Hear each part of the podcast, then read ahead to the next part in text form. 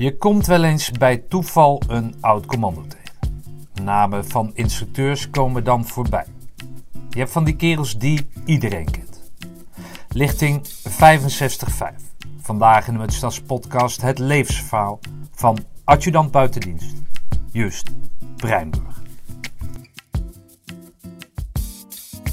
Adjudant Breinburg, registratienummer 45 11 14 016. Liesbeth zegt tegen mij: Heb je je voorbereid? Ik zeg: Voorbereid? Dat zal toch, ik leid toch niet aan Alzheimer? Dat zou toch wel dingen zijn die, die zo. Nou, er zullen vast dingen zijn die ontschoten zijn. Maar wat mij nooit ontschoten is, is de plaats Sundert. Hoe kom je nou erbij? Nee, maar waar kennen wij de plaats Sundert van? Vroeger, in, in mijn opleiding, was er een kaartleesoefening die hier langs liep. Tijdens de ECO. Is dat zo, ja? Ja. Want, dan zal ik je vertellen. Hier aan de overkant is er een huis. En dan heb ik toen stilgestaan en de hele tijd aan het kijken. Hij heeft een aardedak. En dat vond ik zo vreemd.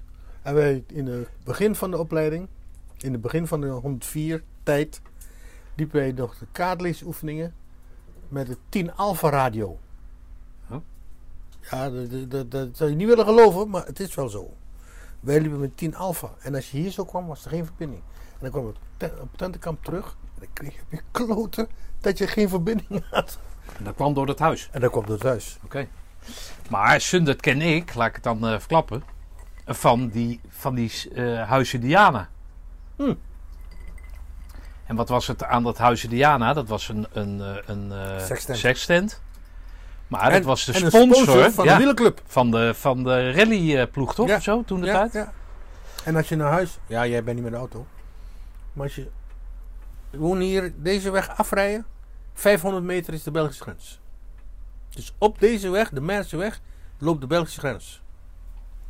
Dus als je naar Nederland gaat, in ieder geval het westelijk deel, ook het oostelijk deel, moet je deze weg afrijden en dan kom je snelweg en dat is een A16. En dat is on tot Rotterdam. Oh joh, oké. Want daar staat die wagen langs, daarom vertel ik dat. Hm. Daar staat die wagen Oh, die van- staat er nog steeds? Die bus, bus van het Oh ja? Ja, die staat er, ja. En Ik die zit... hier, Huh? 300 meter, rechtsaf, 300 meter is Sauna Diana. Oké. En deze hoek, op de, daar ben je langs gelopen als het goed is. Als je deze weg doorrijdt, 400 meter die kant op, is een hoekgebouw. En dat was vroeger een privilege, heette dat. Ook sextent. En daar heel vaak, dat ga ik daar ook niet door de microfoon vertellen, Ja. hielden de, de commando's hielden daar een van hun laatste avonden voor ze uitgezonden werden. Oké.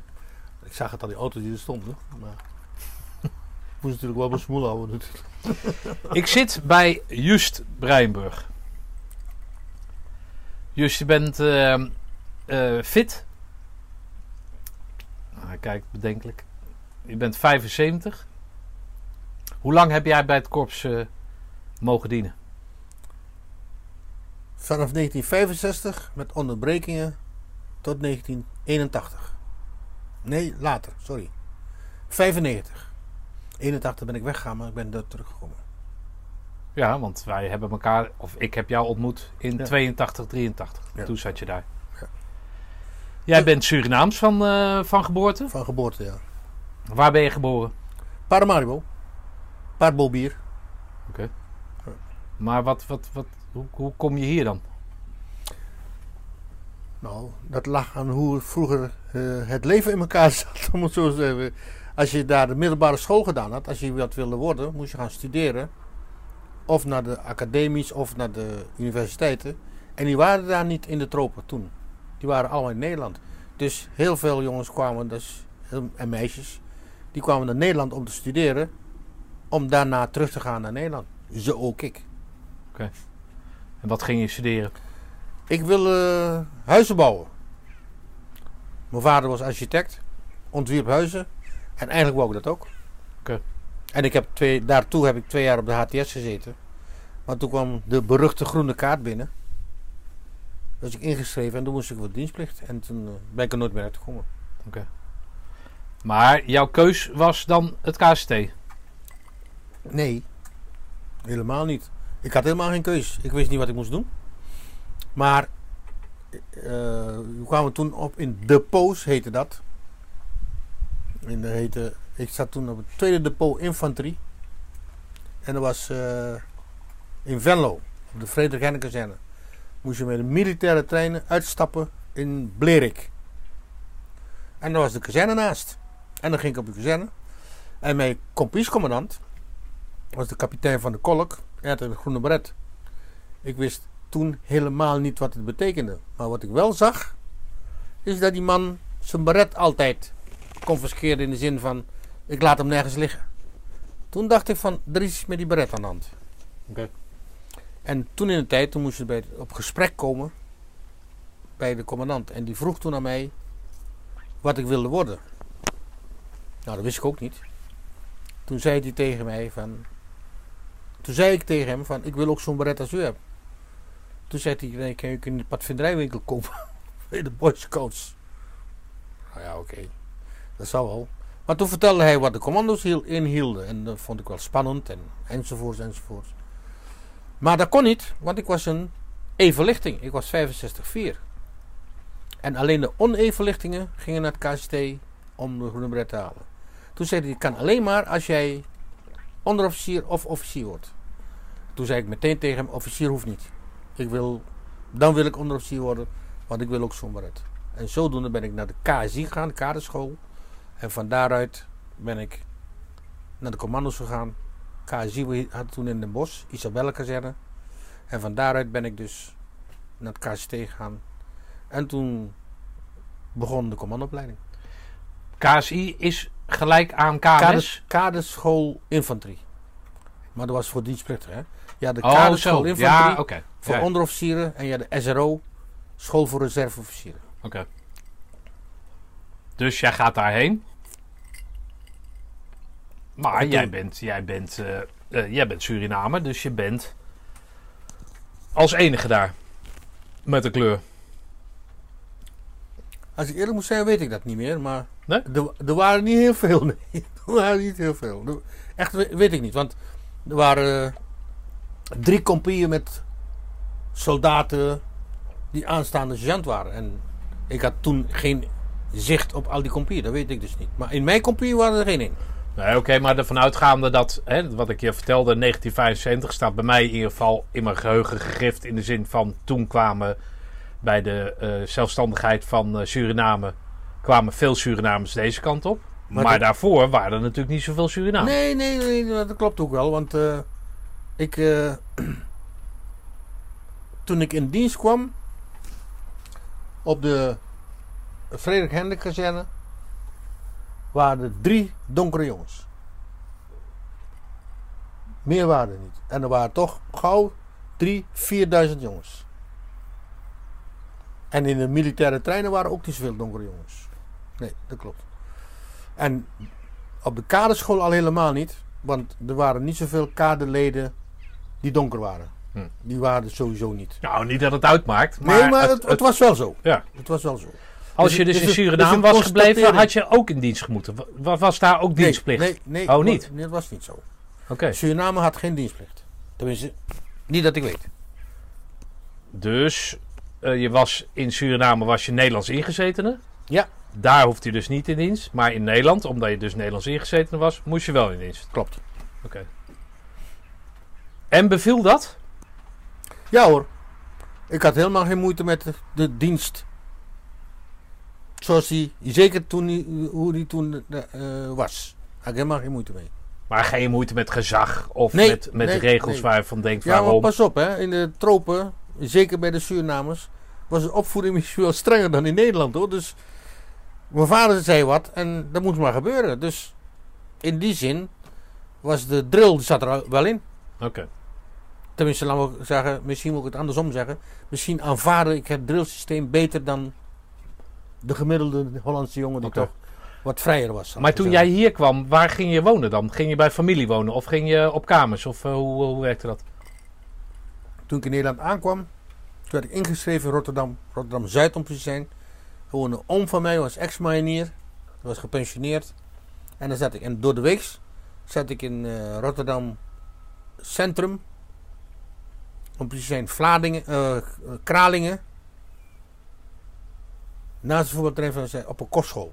En er zaten meer jongens uit de tropen. Oké. Er zaten met name heel veel Curaçaoënaars en Indische jongens. Er zaten heel veel. Kon je een beetje aarde in Nederland? Ja hoor. Ik heb nooit geen moeite gehad met Nederland. Nee. Ik heb nooit geen moeite gehad met Nederland. Ik, ik voelde me senang, zou ik maar zeggen, bijna ja, in Nederland. Hm. Maar ja, ik was enig kind. Dus, je deed wat er gezegd werd. En dat was op een kostschool niet anders. Oké. Kom je in Roosendaal, heb je dus die, eh, die, eh, die kaderopleiding gehad. Dan ga je een vooropleiding in. Nee? Nee, nee, nee. Eh, toen zat de opleiding anders in elkaar, hè? Want de eerste dag van de opleiding was eind november. Moesten we met z'n allen 129 man sterk.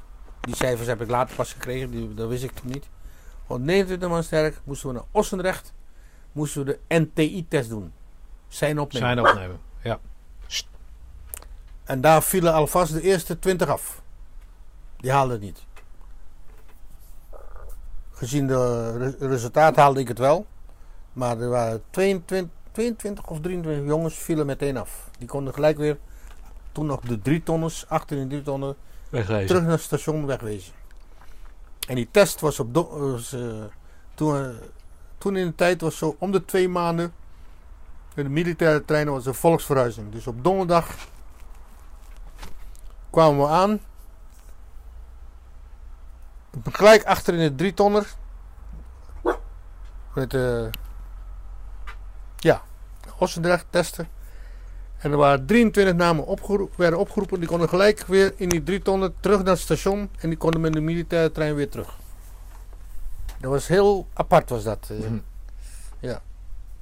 Gelijk hup, testen wegwezen of blijven. En vrijdagmorgen kregen we een test op de hindernisbaan. En nog iets, weet ik veel. Wat, eh, en eh, vrijdagmiddag konden we na de inspectie konden we terug naar huis. En maandag begon de commandoopleiding. Oké. De ECO. Hm. Nee, er was toen geen vooropleiding. Het was gelijk aan de bak. Ja, dat ging natuurlijk in die Sfeer. plaats waar je opkwam. Daar was zeg maar je vooropleiding. Precies. Met zoveel ging je die commandolijn in? Nou, precies het aantal weet ik niet. Maar er waren twee pelotons soldaten en één kaderpeloton. En een kaderpeloton was toen eh, vier beroepssergeanten, vier dienstplichtige sergeanten en na de testen waren twee officieren, vaandrigs. En vergeet niet één arts, dokter Van Melle. Als hobbyist zijnde. Ja, Oké. dat, dat heette toen zo. Hè? Ja, dat heette hobbyist, ja, ja, ja, ja, ja. Maar jij bent fit. Gaat het je dan makkelijk af of zo? Of hoe, eh, Nou, qua fitheid heb ik geen problemen gehad. Totaal niet. Nee. Ik, ik, ik durf te beweren dat ik in, in die tijd behoorlijk fit was, ja. En dat bleek ook wel met de testen. Als je moest allemaal testen doen en ik was zeker niet de laatste. Ik ben nooit de eerste geweest, maar ik was zeker niet de laatste. leuk? Ik vond het wel spannend, ja. Ze vond het hartstikke leuk, ja. ja, ja. Maar ik had toen ook instructeurs die mij... Tenminste, ik kreeg het gevoel, dat, en zeker achteraf, dat ze over mij waakten. Ik namen noem was toen nog de sergeant eerste klas Dirks. Sergeant eh, Tony van Gelder. De Eickhout. En eh, de PC. De kapitein, eh, commandant Tentenkamp. Kapitein Hollaard. Oké. En later de major, major Constance. Later korpscommandant. Ja, precies. Die, ik- nu achteraf zeg je dat, hè. Toen had ik dat niet in de gaten. Maar die min of meer wel een beetje over mij waakte, ja. En waakte in de zin, in welke zin dan? Dat ze je ontzagen Nou, daarvoor? Nee, voor nee, bepaalde dat dingen? niet, dat niet. Maar ze hielden het wel bij hoe het met me ging. Want dat zijn heel veel mensen, tenminste, denk ik dan, heel veel mensen vergeten. De winter begon. En deze jongen die had amper sneeuw gezien. En eh, in die tijd begon het eind november te regenen. En begin december begon het te vriezen. En wij hebben meegemaakt dat we met min 25 graden buiten sliepen. Oké, ja. En dat was bijzon- bijzonder koud. De ijsschotsen dreven op de Maas. Oké. En dat is niet om, om stoer te doen of te scheppen. Maar het was gewoon zo. Ja. En, hey, en deze jongen met zijn... Ja, dat En- scheelt een gaatje of 50 of zo. Lijkt maar zo hoor, weet je wel. Ja. En eh, deze mensen die... Die waakten over mij. En waar zeg ik dat om? Wij moesten toen ons potje koken op de hei. Met die, met die mestins nog in die tijd. En die waakten vooral dat ik warm eten binnenkreeg. En dat deden ze niet voor niks natuurlijk. Hè? Want, Nee. Laat me zo zeggen, ik heb niet in de gaten gehad dat ze bij andere mensen ook zo overwaakten. Ja, ja, oké. Dus in die zin waakte ze over mij. Dat ik gewoon warm eten binnenkreeg. Ja. Ja. Zelfs toen nog de sergeant eerste klas Derks. Derksen. Derksen heette. Nee, Derks. Derksen Want dat naam. was een... Dat was een instructeur. Die was toen nog... Die Nee, ging- maar het- omdat jij zegt zelfs, betekent dat dat hij anders nooit zo eh Nou, die empathisch was- eh, aangelegd was? Die was niet zo, zo lief, om het zo maar ja, te ja, zeggen. oké. En zelfs die eh, keek naar je om. Ja, ja, ja, ja. Oké, nou, dat is Ja. mooi dan toch? Ja, hij had de, na- hij had de naam van Farao. Want? Nou, wij moesten hem altijd op. zo hadden ze toch van die. eh, van die tonnen, die stonden nog voor de kazerne vroeger. Van die eh, kanonnen. Ja. En we stonden. Oh ja, die, die ken ik. Die foto's ken ik, ja. En zo'n wachthuisje. En zo wacht, ja, we moesten van de voor de kazerne. En dan moesten wij s'avonds naar de kazerne, moesten de kadertent hem op eh rond de appelplaats brengen. En dan riep hij altijd: Ik ben de farao. Dus Ja, hij, zo'n hij kreeg bij ons, hij kreeg, hij kreeg dus bij ons de na- bijnaam de farao komt eraan. Hey, en de rest bestond uit dienstplichtigen. Maar daar hadden we niet veel mee te schaften. Nee? Nee, de kadertent was een vrij eh, aparte opleiding altijd. Men, Derks en Dirks, die waakten over het kaderpeloton. En de enige tijd waar dus eh incest werd gepleegd was als we kaartleesoefeningen hadden. Dan kreeg je twee of drie soldaten. Ze werden al voorbereid Ja, voor de groepszaken. Maar voor de rest kregen we bijna altijd aparte lessen. Oké. Tenminste, dat is wat ik me van herinner. Maar je had wel contact met elkaar, toch? Hmm, hmm. Ja, absoluut. Absoluut. Had zeker contact met elkaar. Nou ja, ik bedoel, de tentenkamp was toen op de kazerne. Ja. En eh, de eerste tent was de kadertent. En die vier andere tenten waren van de soldaten. Ja. En eh, de, zeker de beroepssergeanten, wij werden ook cursist van dienst, maar de beroepssergeanten, die moesten die jongens uit bed halen. En die moesten Ja. eh, zorgen dat de koffie geregeld was. En jij, jij was dan mede-commandant of weet ik veel. Maar je was mede-verantwoordelijk voor het hele huishouden. Oké. Vallen er veel af? Nou, we zijn met meer dan 123 man begonnen. En we zijn met 16 soldaten binnengekomen die de groene beret kregen. En we zijn met 9 kaartleden binnengekomen die de groene beret kregen. De rest was allemaal afgevallen. Nou, dat is een groot afvalspercentage dus. Maar, dat, was, goed. dat was in die tijd normaal, hè? Ja, maar goed, met, met, die, met die weersomstandigheden erbij is dat extra verzwarend, toch? Ja, Denk ik. Ik- ik, ja precies. Dat, ik, ik moet eerlijk zeggen, zelfs nu weet ik dat niet of het extra zwaar was. Hm. Maar pas op, hè. Eh, ik zeg nu, met de wetenschap van nu, dat de tijd anders was. Ik denk dat de mensen van nu met al die centrale verwarmingen en al die toestanden anders in elkaar zaten dan de mensen van toen. Kijk, ik kom uit een huis uit eh, Rotterdam Zuid. Er was één potkachel. Ik heb de laatste klas van de HBS gedaan. En er was in de klas was één potkachel. En als je nou toch praat over zwarte en dergelijke. Ik kwam in de klas binnen en de leraar die zette mij gelijk naast de potkachel. En ik moest zorgen dat de kachel brandde altijd. En vervolgens werd ik, eh, kreeg ik een draaimoor als om één uur in slaap viel. Maar ik bedoel... ja, ik bedoel... Dat, dat, dat was... Nou, zo zeggen was in die tijd normaal gedrag. En eh, wij kwamen in de commandoopleiding en het vroor zo hard. Op de, als we kazernedienst hadden, mocht je geen buitenjas aan vanwege de kou. Nou ja. Dus het was gewoon anders. Ja. Ik zeg niet dat het goed of slecht was, eh, daar heb ik het helemaal niet over.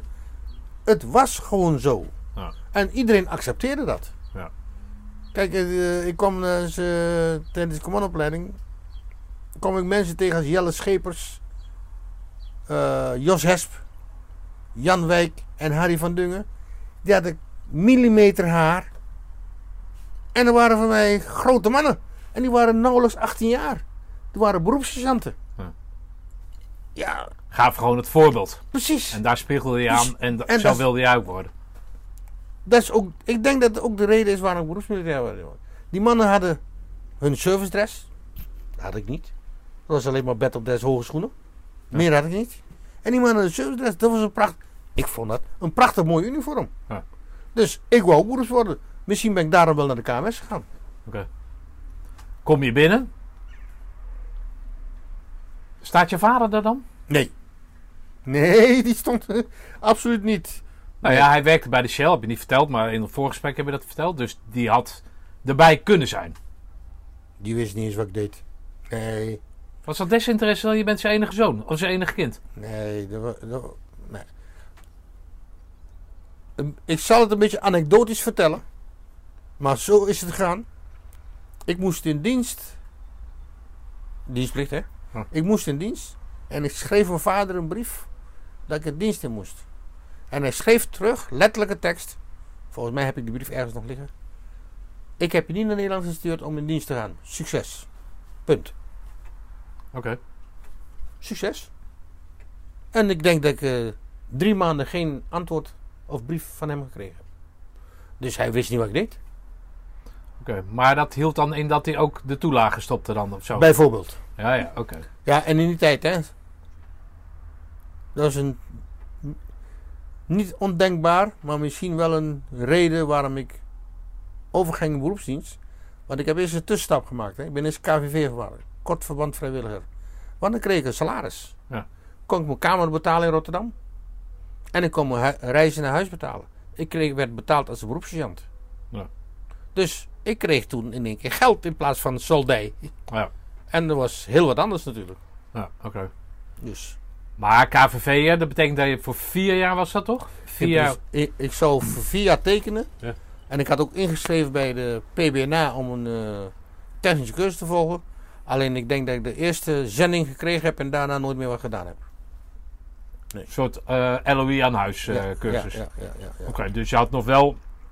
Je wilde nog wel iets met dat huis eh, bouwen doen. Mis, dat, eigenlijk was dat min of meer verplicht. Hè? Als je KVV was, moest je ook studeren. Ah, oké. Dus ik heb me toen ingeschreven bij, ik meen PBNA, ik weet niet meer, ik weet het niet, niet eens meer.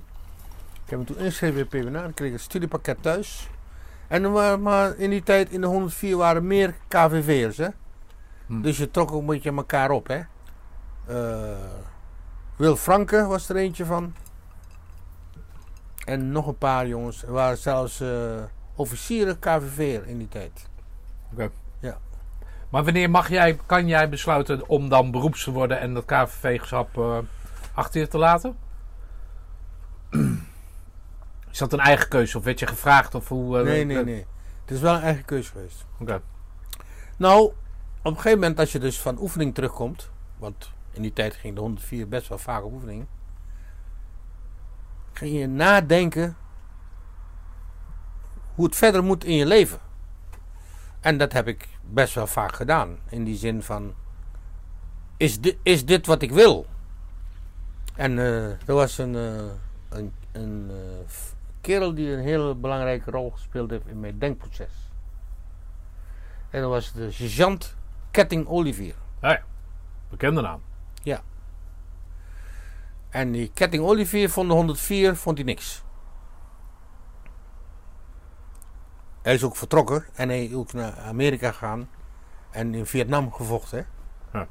Maar dat was min of meer een beetje mijn slapie. In de zin van, als de pelotons op oefeningen gingen, want in de tussentijd ben ik herkenningsinstructeur geworden. Oké. En eh dan spraken wij met elkaar in gedachten wisselen. En eh, 104, dat was, niks.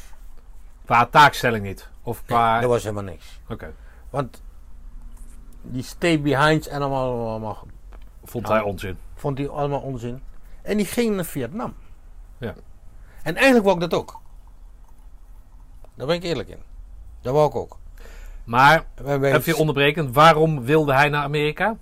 Of Omdat naar dat- Vietnam? Omdat dat, eh, dat, dat diende de Special Forces. Ja. En dat was zijn ding. Ja, oké. En ik wilde dat ook. En er was nog een kerel bij, dat moet ik eerlijk toegeven. En wij wilden eigenlijk met z'n drieën naar Amerika. En dat was Koen Paulus. Hm. Koen Paulus is een grote kerel uit Rotterdam, Vlaardingen.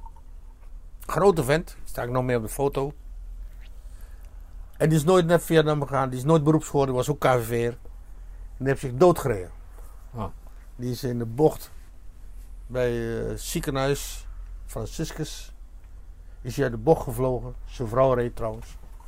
Is hij uit de bocht gevlogen. En die is In Rotterdam? In- nee, hier. hier Oh, is- hier heet hij ook Franciscus. eh, Roosendaal. Ja, de bocht gevlogen en die eh, schoof onder de vangrails, letterlijk en figuurlijk. Weet je. Ja, en die is toen. Daar heb ik nog foto's van op, van zijn begrafenis. Ja. Ja. Maar die ketting Olivier ging niet. Ja, die ging.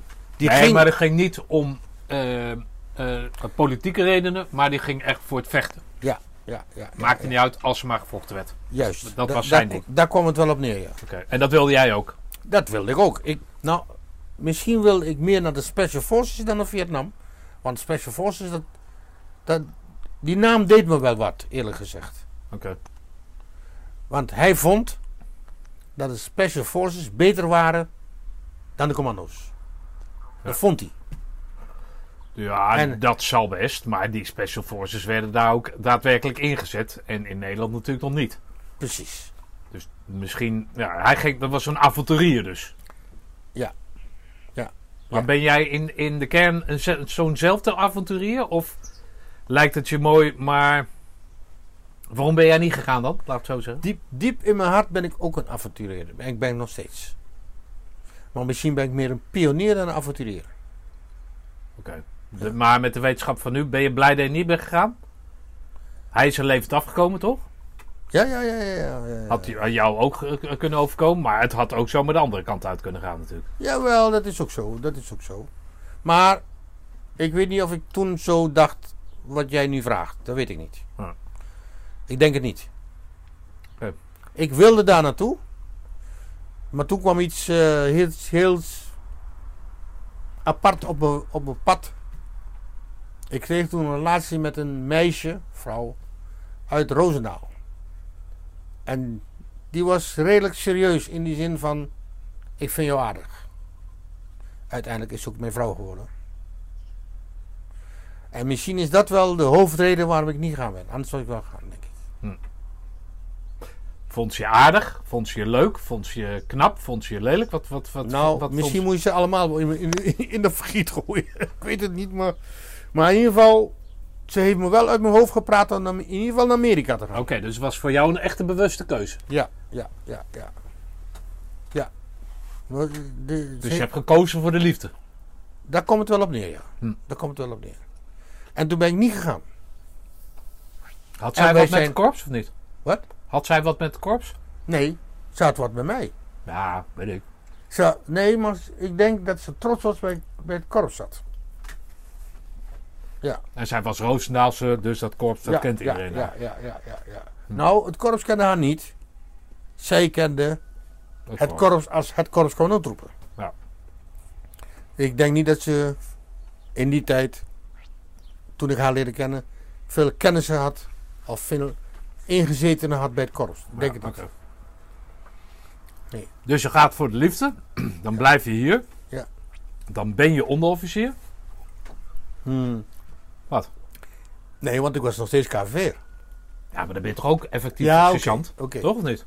Ja, maar eh, Oh, als onderofficier ben je pas als je de KMS hebt gedaan. Bedoel je dat? lijkt mij wel. Ja, Ja, oké. lijkt mij wel. Oké. En eh, in die periode koos ik ook voor de KMS. Oké. Maar toen was ik al, en dat moet ik wel even gauw erbij zeggen. Toen was ik al bezig met de sportcarrière. Want mijn vrouw die handbalde. En ik zat op atletiek hier bij Red Band in, eh in Roosendaal. En tijdens mijn relatie met mijn vrouw ben ik begonnen aan een handbalcursus en aan een atletiektrainerscursus. Ja. Dus ik koos al heel snel voor een sportcarrière, omdat ik toen ook in de militaire boksploeg zat. Ik zat in de atletiekploeg bij de major Hoedemans. En ik, had aspiraties om in de vijfkampploeg te komen. Zo was het. Hm. Dus ik koos toen al voor een richting sport. Maar jullie, jij zegt net dat je vaak op oefening was hè, in die 104. Hoe, hoe, hoe deed je dat met dat sporten dan? Maakt niet uit. Hoezo maakt niet uit? Ik sport altijd. Nee, maar als je op ik- oefening bent, kan je moeilijk sporten, toch? Dat zeg jij nu. Ja, dat zeg ik nu. En dat is ook zo. Maar ik nam altijd mijn sportspullen. Nee, Ja, maar ik nam ook sportspullen mee. Nee, maar kijk, ik kan me voorstellen dat je met boksen nog wat oefeningen ondergronds kan doen. Of, of weet ik wat. Maar ik liep, ik, sprinten? geloof me nou maar, ik liep altijd. Oké. Ik overtrad wel eens de regels. Dat moet ik toegeven. Ging je Maar de put uit en ging je hardlopen? Juist, Ah, oké. dat deed ik altijd. Oké. Dus dat kon je dan, mondjesmaat, kon je het bijhouden? Ja. Je, je bleef in shape? Ik, ik bleef wel in shape, ja. Ik, ik was altijd bezig met sporten. Altijd. En vergis je niet in de weekenden. Maar dan moet je toernooien doen, dan moet je wedstrijden spelen, eh, dat soort zaken. Deed ik allemaal. Maar hoe, deed je dat qua tijd dan? Als ik eerlijk moet zeggen, ik weet het nog steeds niet, maar ik deed het wel.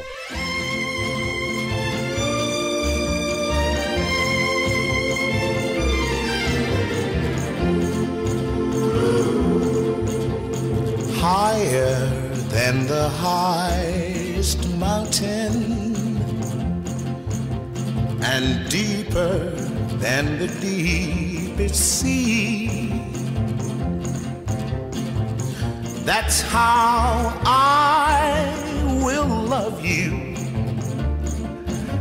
Oh, darling, endlessly softer than the gentle breezes and stronger than the wild oak tree.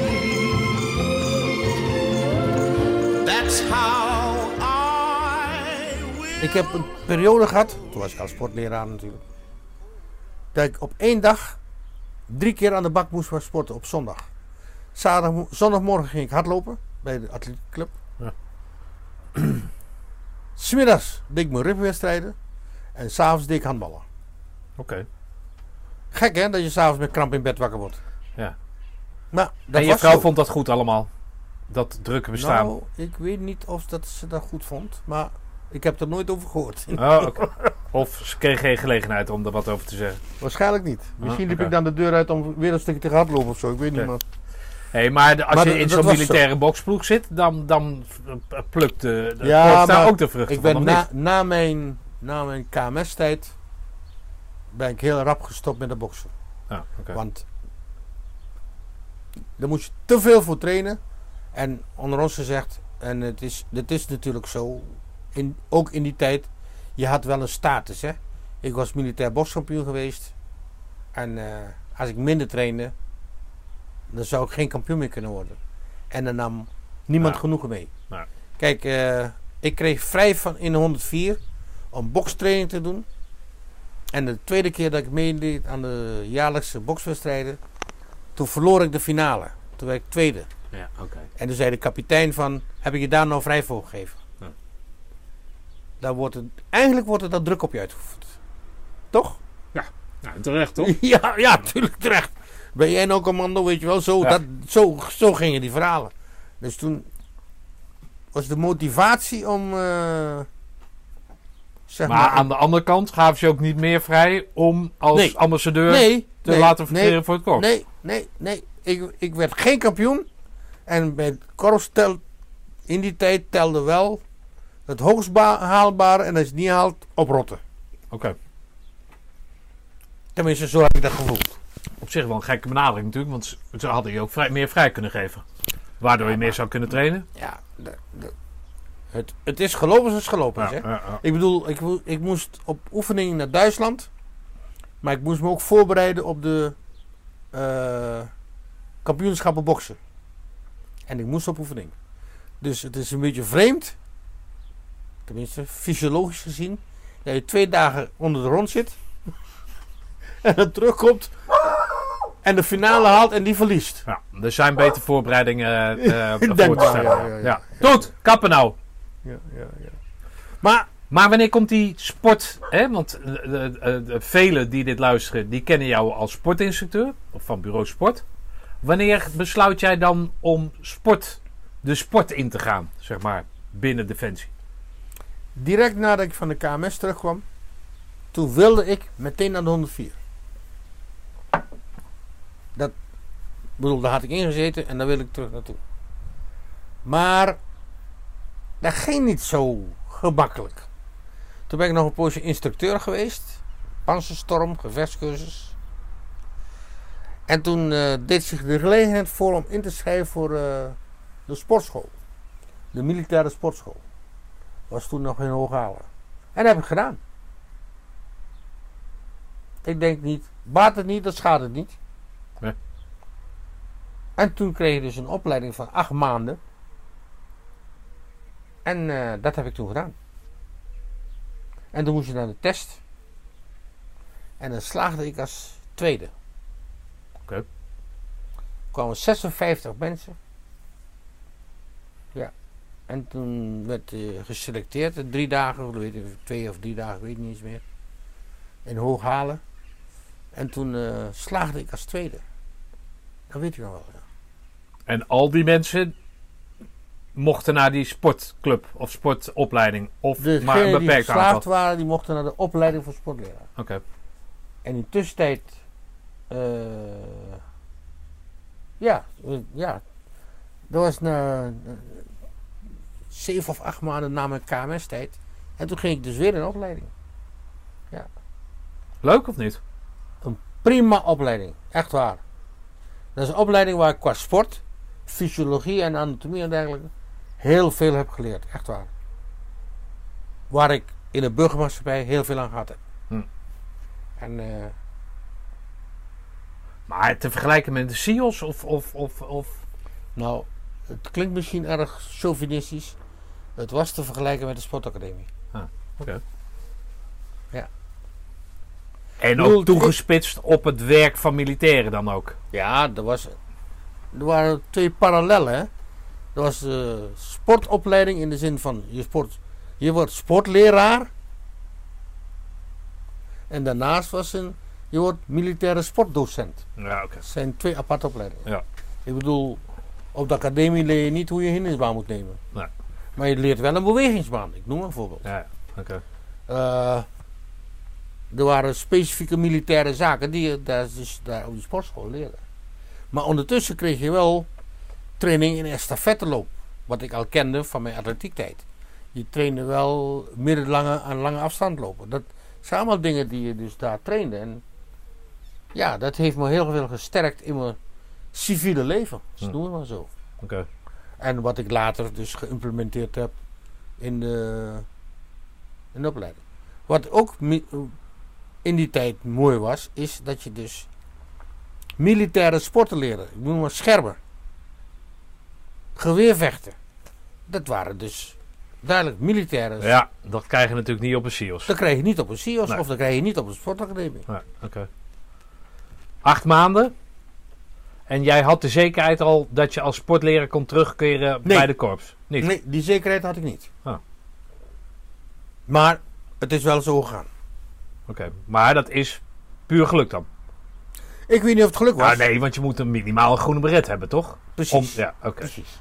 En er zaten misschien weinig mensen met een groene beret in jouw... le- Geen één. Oh, nou dat maakt het makkelijk dan, toch? Precies, ja, Ja. toch? Ja, Ja. Dus dan kom je terug als sergeant sportinstructeur. Ja. En, en wat, wat, wat is dat dan voor een. Wat, wat, welke kant ga je dan op? Wat, wat, wat ambieer je daarin? Nou, za- ik zal het eerlijk zeggen. Ik was blij dat ik terug was bij het korps. Ook mede door het feit dat ik terug was in Roosendaal. Want mijn vrouw komt uit Roosendaal. Ja. Dus dat was erg prettig. En eh, toen, of het nou zo gebracht is of zo was, weet ik niet. Maar je moest je toen melden op het Rayon Sportbureau. En eh, daar was toen eh, de kapitein Kune en allemaal dat soort lui, weet ik veel. Had ik niet zoveel mee, maar in ieder geval, je moest je daar melden. En daar kreeg je te horen waar je in het geplaatst werd. En het was, bestond toen uit meerdere kazernes. Tilburg, Breda, KMA was sowieso apart. Berg op Zoom en Roosendaal. En wij kwamen met z'n drieën terug van de sportschool. Onder andere Tom Carton, die werd geplaatst in Breda. Die kwam uit Ulvenhout. En daar kreeg ik op maandagmorgen te horen dat ik dus geplaatst was in Roosendaal. Hm. Dat werd me dus niet in Hooghalen verteld. Nee. Dus daar kreeg ik te horen. En toen kwam ik bij het korps. En er waren van die, toen nog de legendarische figuren bij het korps. Bij de sport. De sergeant eerste klas Hol, Sportinstructeur dus ook. sportinstructeur. Ja. De sergeant eh, eerste klas van Soest. En de sergeant major Krot. Dat waren de mannen. Dat was een Indische man. Overdreven gezegd, daar had ik heel veel respect voor. Die had geen enkele meniscus meer. Die waren, alle vier waren eruit gehaald. En die badmintonden om de kampioenschappen van militaire kampioenschappen. En die kwam in de finale. Nu Je moet het even niet aan die eh, microfoon zitten, want dat, sco- dat stoort. En eh, dat was 52 jaar. Huh. En hij stond in de finale. Oké. Nou, dat was Maar ook tweede geworden. Ook tweede geworden. Hebben je daar nou vrij voor gegeven, Krot? Ja, precies. Op Rotterdam. Ja, ja, ja. Oké, maar die, die vormde toen het sportbureau. En waar En- jij dus zelf ook les van gehad had. Nog sterker. Iedere ochtend, nou, in ieder geval drie keer in de week, s morgens, gingen ze koffie drinken in de kantine. En hij stootte mij aan dat ik geen koffie moest drinken. Ik moest tegen hem badminton. Dat was zijn training. Oké. En ik kon toen niet badmintonnen. Oké. Maar ik, ik wilde wel vechten. Oké. Maar dan En heb je dat, zei... dat hij- boksen dus opgegeven. Doe hou eens op! ja, de boksen heb ik toen opgegeven. Boksen heb je opgegeven. Ja. Dat Ik ben- handballen. Handbal heb ik opgegeven. En atletiek deed je gewoon Nog tijdens steeds. de dienst. Nog steeds. Ja. Nee, de, de, ik, ik was lid van de TOR. Van de atletiekclub. Ah, oké. Maar hoe ziet het leven van een sportinstructeur eruit? En wat is, wat is de, de boodschap die je meekrijgt? Wat is je opdracht? Dat is een, een vraag met een verhaal, vind ik zelf. Nou, vertel het verhaal. Het is, het is wat, wat wil je ervan maken? Een bijdrage leveren. Tenminste, dat denk ik. Een bijdrage leveren aan fitter kerels met een goede mentaliteit. En ik denk dat de sport daar een hele bijzondere rol in speelt. Kijk, eh, wat ik bedoel te zeggen is dat jongens kwamen sporten. En eh, die waren heel veel waren gewend op de HAVO of sport te krijgen. En die werd een bal in de zaal gegooid en sporten. En dat was bij de commando's niet, niet het geval. En dat, dat vond ik leuk. Je was altijd bezig die kerels te trainen, te motiveren om fit te zijn en te blijven. En dat, dat vind ik, dat was mijn doel. Hm. Kerels moeten fit zijn, maar ze moeten dat. eh, ook al waren dienstplichtige militairen, die waren verplicht naar de sport te gaan, want dat stond op het programma. Ja. Dus dat moest je doen. Maar ik vond altijd dat ik die kerels moest motiveren, in een ombuigen in een intrinsieke motivatie om zelf fit te blijven. Ja. Dat was mijn doel. Dus jij werd blij als je s'avonds wegreed of weet ik wat. En zag dat mensen zelf aan het sport waren. Dat, dat bedoel ik. Dat was zo. En eigenlijk is dat nog steeds zo. Want ik, in mijn laatste jaar in dienst, in de actieve dienst, heb ik op het ideaal gezeten. Het instituut Defensie Leergangen. Ja. Dat was de stafdienst en de, toen heette dat zo, de hoge militaire vorming. En mijn doel was om die kerels buiten dienstuur voor zichzelf te laten sporten. Nog sterker, ik ging s'avonds met hun meesporten. Onder andere onze ex-korpscommandant Swilling, die was daar deelgenoot van. En die ging s'avonds met mij om 8 uur de fitnessruimte in om te trainen. Oké. En wij hadden een groepje van een man of 10, 12. Ze waren niet altijd, maar ze kwamen wel trainen. Hm. En ze kwamen wel sporten. En ik deed mee. En dat was mijn ding om hun te motiveren om dat te doen. Ja. Voor zichzelf zorgen dat je fit blijft. Ja. Want uiteindelijk ben je fit voor jezelf. Niet voor, Tuurlijk, voor niet, voor de, niet voor de menigte. Nee. Uiteindelijk ben je fit voor jezelf. Ja. En ja. En dat vond ik zo mooi toen ik. eh, ik ben, eh, dan spreek ik even van hak op de tak, want ik kom op de naam Swillens. Dat zijn van die figuren die je dan tegenkomt in je leven. Hoor mij even respectloos over figuren praten, generaal. Maar in ieder geval, hij, eh, hij stuurde mij een berichtje toen ik mijn lintje kreeg in de zin van eh, ridder. Dat hij vond dat ik een motivator was voor mensen. Nou, dat is een Nou, compliment, toch? dat vond ik zo'n mooi compliment. Ja. En dat heeft, ja, dat heeft, ik, ik krijg er nou nog een brokje van een keer van. Dat heeft mij wat gedaan. Serieus. Dat vind ik van die typische dingen, weet je wel. Hm. Ook hetzelfde als Theo hè. Ik heb een tijdje wat eh, zaakjes gehad. En ik woonde toen in Roosendaal bij de, op de Banderiersberg. En dat speelde. En de, toen nog de major Alsemgeest. Die belde bij mij aan de deur op. En die zei. Letterlijk en figuurlijk. Voor mij ben en blijf jij de motivator. Dat vond ik zo top. Ja. Dat is de mensheid in, in de commando, hè? Ja. Vind ik wel. Maar hoezo zaakjes? Wat bedoel je met zaakjes dan? Nou, er speelde een periode eh, dat Breinburg toch niet zo de man was bij het korps. En eh, die waren dan voor mij dan heel vervelend. Toen kon ik weggaan bij het korps. Ja. Wat me trouwens heel veel zeer deed. Ben ik weggegaan met het korps. En toen kreeg ik een trap na. En daar baal ik een beetje van. Nou, laat je, laat je wel uit in, in, in soort geheimtaal. Wat, wat, wat, wat zijn Nou- zaakjes waar je een trap van na krijgt en wat, die je pijn doen dan? Nou, laat me het zo zeggen. Ik, ik, kijk- ik kijk alleen maar naar feiten. Hè. Ik, praat, Ja, ja. ik praat niet over roddels. Hè. Ik kreeg toen een beoordeling van de baas van de sport. Ineens was ik geen goede sportinstructeur. Ineens kon ik niks meer. Eh, mijn intrinsieke motivatie stond letterlijk op papier. Die was niet meer zoals het moest zijn. Nou, dat heeft mij heel veel pijn gedaan. Dat heeft mij heel veel pijn gedaan. En toen dacht ik ook, moet ik hier nog dienen? Moet ik hier nog werken? Toen heb ik gekozen voor, ik wil ergens anders dienen. Want het leger was voor mij nog steeds. En dan gaan achteraf de verhalen dat ik weggeschopt was bij het korps. Nou, dat is dus niet zo. Maar die verhalen gingen wel.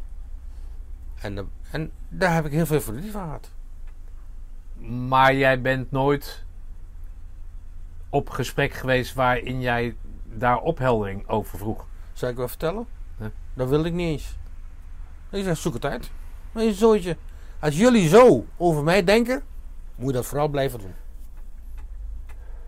Dat meen ik echt. En eigenlijk denk ik nog steeds zo. Hm. In die zin ben ik wel een, de, de bekende bottencommando. Zoek het maar uit. Nou, dat meen ik echt. Dat deed me zoveel zeer. Terwijl je laat je toch niet wegschoppen uit, uit, uit je huis? Nou, ik ben ook niet weggeschopt. Ik ben zelf weggegaan. Maar die verhalen gingen wel. Hm. En, Maar wat, wat lag daar ter grondslag aan dan? Was dat kift? Of wat was dat? Nou, ik heb eh, pas geleden met mijn vrouw een heel gesprek gehad. En eh, over deze soort zaken die ik al opnoemde. En dan moet je daar een, een iets op loslaten. En ik ben tot de conclusie gekomen dat jaloezie en afgunst een hele rode draad is in mijn leven. Jegens jou. Ja, ik weet van mezelf dat ik heel veel dingen kan. Ik kan mensen motiveren. Ik kan mensen trainen. Ik kan mensen beter maken. En heel veel mensen vinden dat. Ja, die zijn daar jaloers op.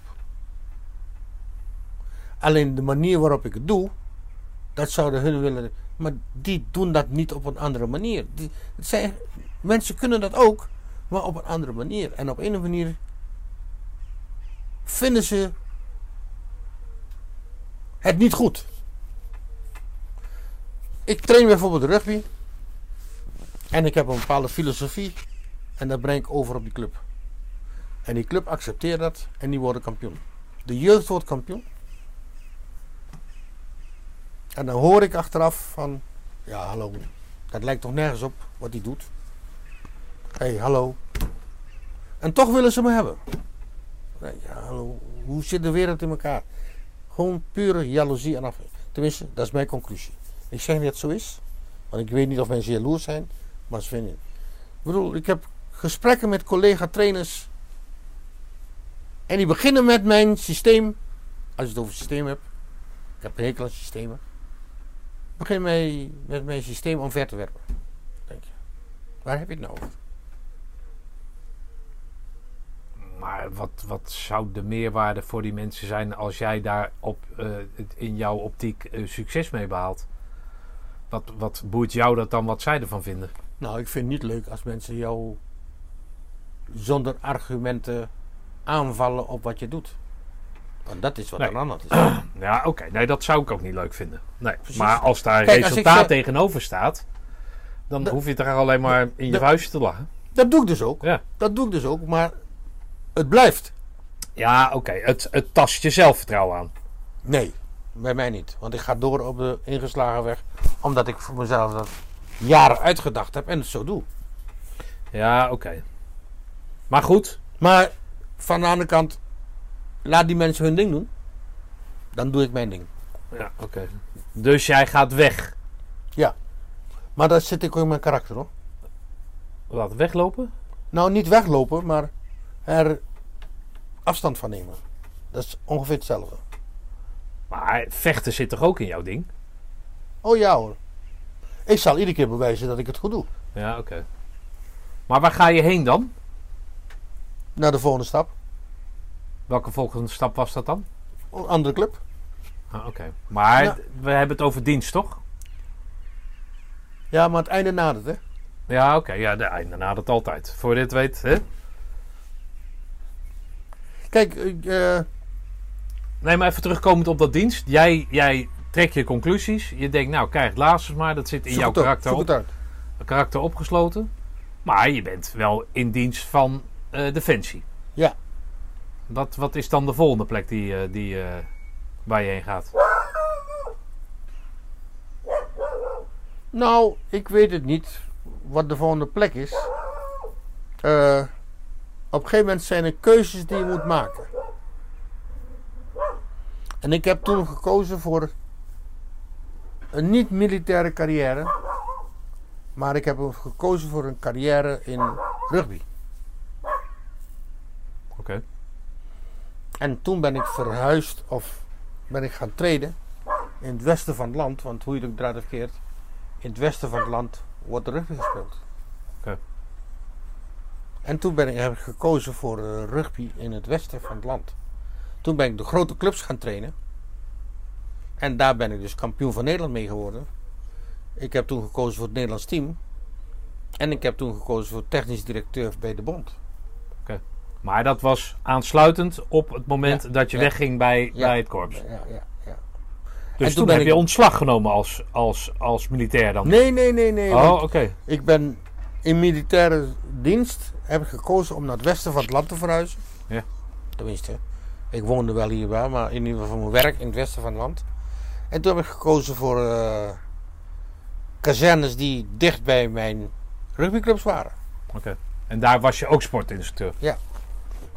Dus ja. En toen heeft eh, de militaire sportschool, de naam is ondertussen veranderd, het OCLO, OCLO, Ja. Wat in Osdrecht was, die heeft mij toen weer naar het zuiden gehaald. En toen ben ik daar adjudant geworden. Ja. Welke kazerne was dat dan? De Ah, oké. en toen ben ik daar, daar adjudant geworden. Ja. Ja, zo is het gegaan eigenlijk.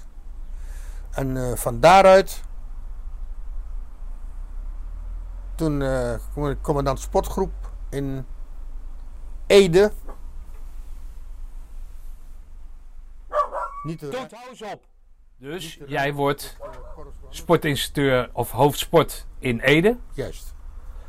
Maar dan heb je dus een knauw gekregen. Nee. Ah ja, het is toch niet leuk om waar je al zo lang werkt met zoveel overtuiging en met liefde voor het korps en andersom dat je dan naar Ede moet? Ik vond het niet erg. Nee?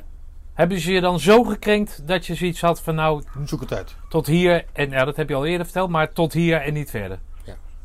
Zoek het uit. Oké. Maar wat is het verschil tussen Roosendaal en Ede dan? Moet ik het benoemen? Ja? Dit is niet te benoemen. Oké. Zo'n groot verschil. Zo'n groot verschil. Echt, het is niet te geloven. Daarom zeg ik, hoe het ook draait of keert, wat er ook gebeurd is en hoe het ook draait of keert. Het korps is mijn mooiste tijd in mijn leven geweest. Hm. Echt waar, dat meen ik echt.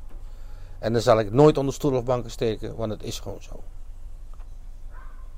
Ja, is echt onvoorstelbaar. Ik zou er Daar bijna- heb je verdriet van dus. Ja, dat meen ik echt. Dat raakt je nu nog. Dat heb je heel goed gezien. Dat is ook zo. Ja.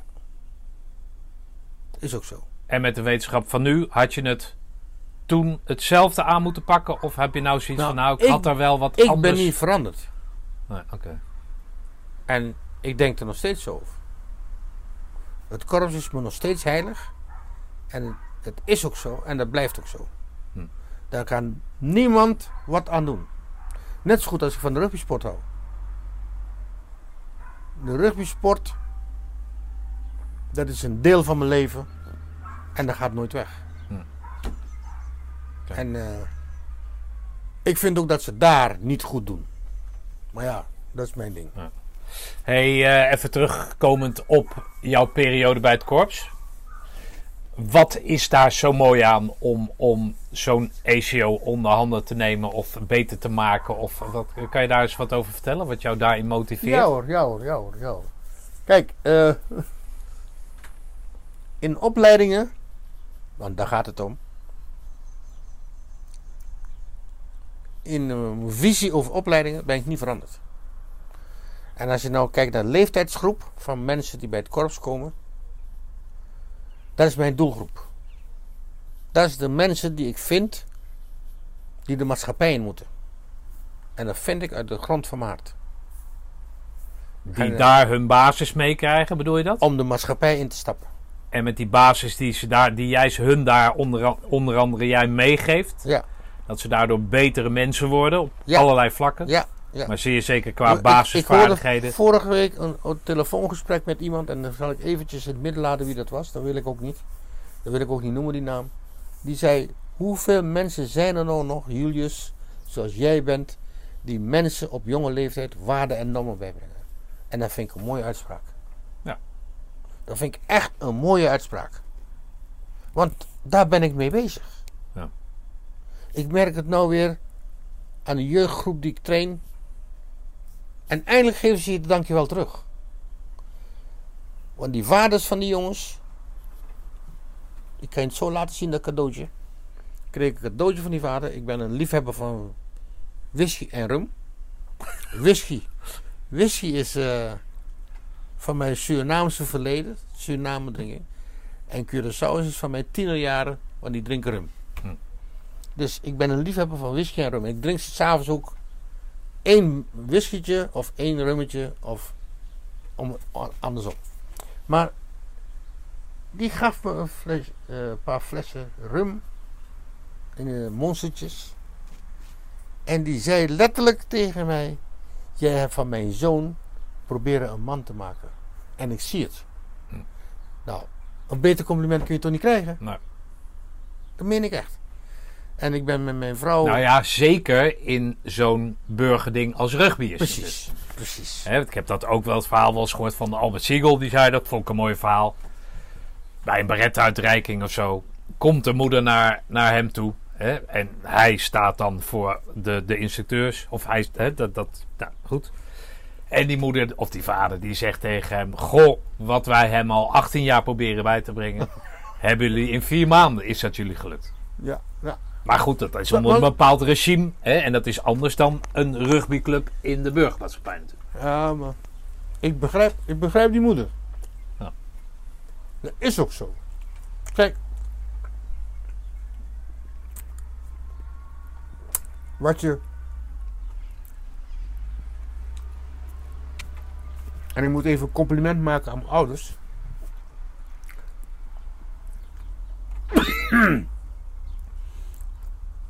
Wat je doet, is de waarden en normen die hun proberen je bij te brengen. Of je het altijd met ze eens bent, dadelijk even in het midden. Maar op een gegeven moment komen die dingen weer bovendrijven. En je ziet tijdens de commandoopleiding en zeker de periode na een 104 dat kinderen die waarden en normen die ze bijgebracht hebt op een manier weer oppakken. En dat vind ik leuk om te zien. Nou. Dat vind ik bijzonder leuk. Neem nou de familierelatie die er is. Wie is de baas in huis? Het gaat niet zo om, om wie de baas is, maar wie voert de regie? Zijn het de kinderen of zijn het de ouders? Zijn het de kinderen of zijn het de ouders? En dat zie je in de pelotons terugkomen. Je ziet de pelotons hun eigen weg wandelen. En luisteren ze naar de commandant en de, en de kaderleden? Of gaan ze hun eigen weg? En de pelotons die hun eigen weg gaan, die ontsporen. Dat zie je terug. Oké, maar is dat niet zwak leiderschap van, van, van het kader en van de eventuele pelotonscommandant slash PS? Ik heb het op een andere manier volgens mij hetzelfde gezegd. Hm. Ik ga nooit mensen bezoedelen met de opmerking van slecht kaderschap.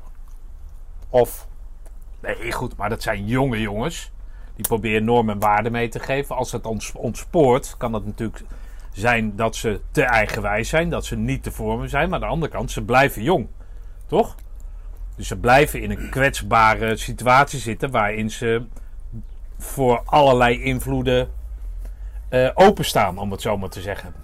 Dus als daar sterk leiderschap Maar- tegenover staat. Niet? ja, maar de vraag is natuurlijk, en dat merk ik nu aan mijn eigen twee jongens ook. De vraag is of je altijd met die machete moet staan en kappen. Om het zo niet te doen zoals ze dat aan het doen zijn. Hmm. En wat de reden daarvan is, is verder niet belangrijk. Maar kinderen, jonge mensen, doen wat ze zelf in, tot ze met hun hand op de kap zitten. Hmm. Dat is gewoon zo. Dus het gaat om intrinsieke motivatie. Vind ik wel. Daar blijft het om gaan. Dat vind ik ook. Altijd. Ja. Ik bedoel, iedere jonge meisje weet als ik daar een bloem pluk, als het niet van hem is, dat hij gestolen heeft. Hm.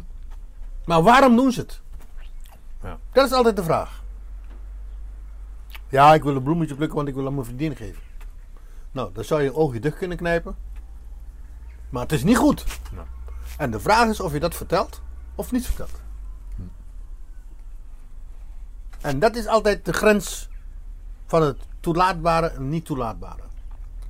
En dat is bij pubers. Nou ja, ik hoef jou niks te vertellen. Je hebt ook pubers gehad. Dat is het moeilijkste wat er is in het leven. Ja. En hoe ver kom je met je opvoeding of vorming? Want opvoeden is het natuurlijk niet meer. Vorming om het kind in te laten zien dat hij dat wel of niet moet doen Of in ieder geval anders moet doen. Dus, waar jij van geniet, als ik het even invul, is dat je eh, spijkerbroeken ziet binnenkomen. Die ga je vormen, die ga je eh, aanreiken wat er eventueel te halen valt voor hun.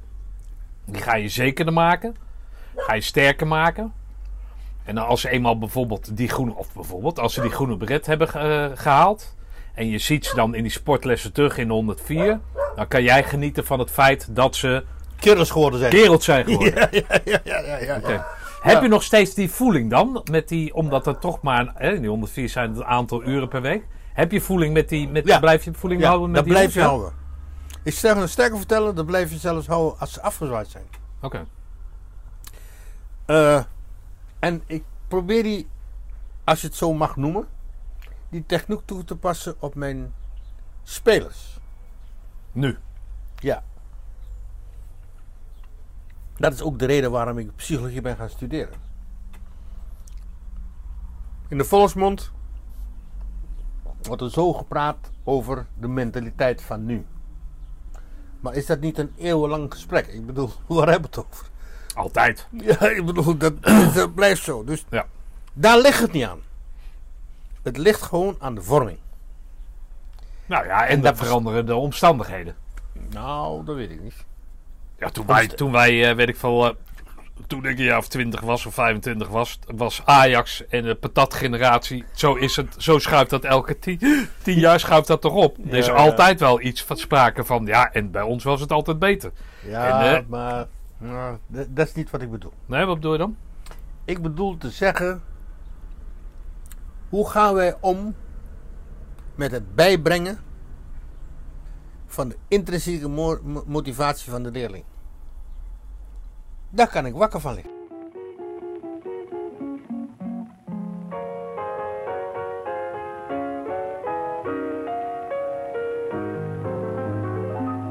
Mona Lisa, Mona Lisa, men have named you. You're so like the lady with the mystic smile.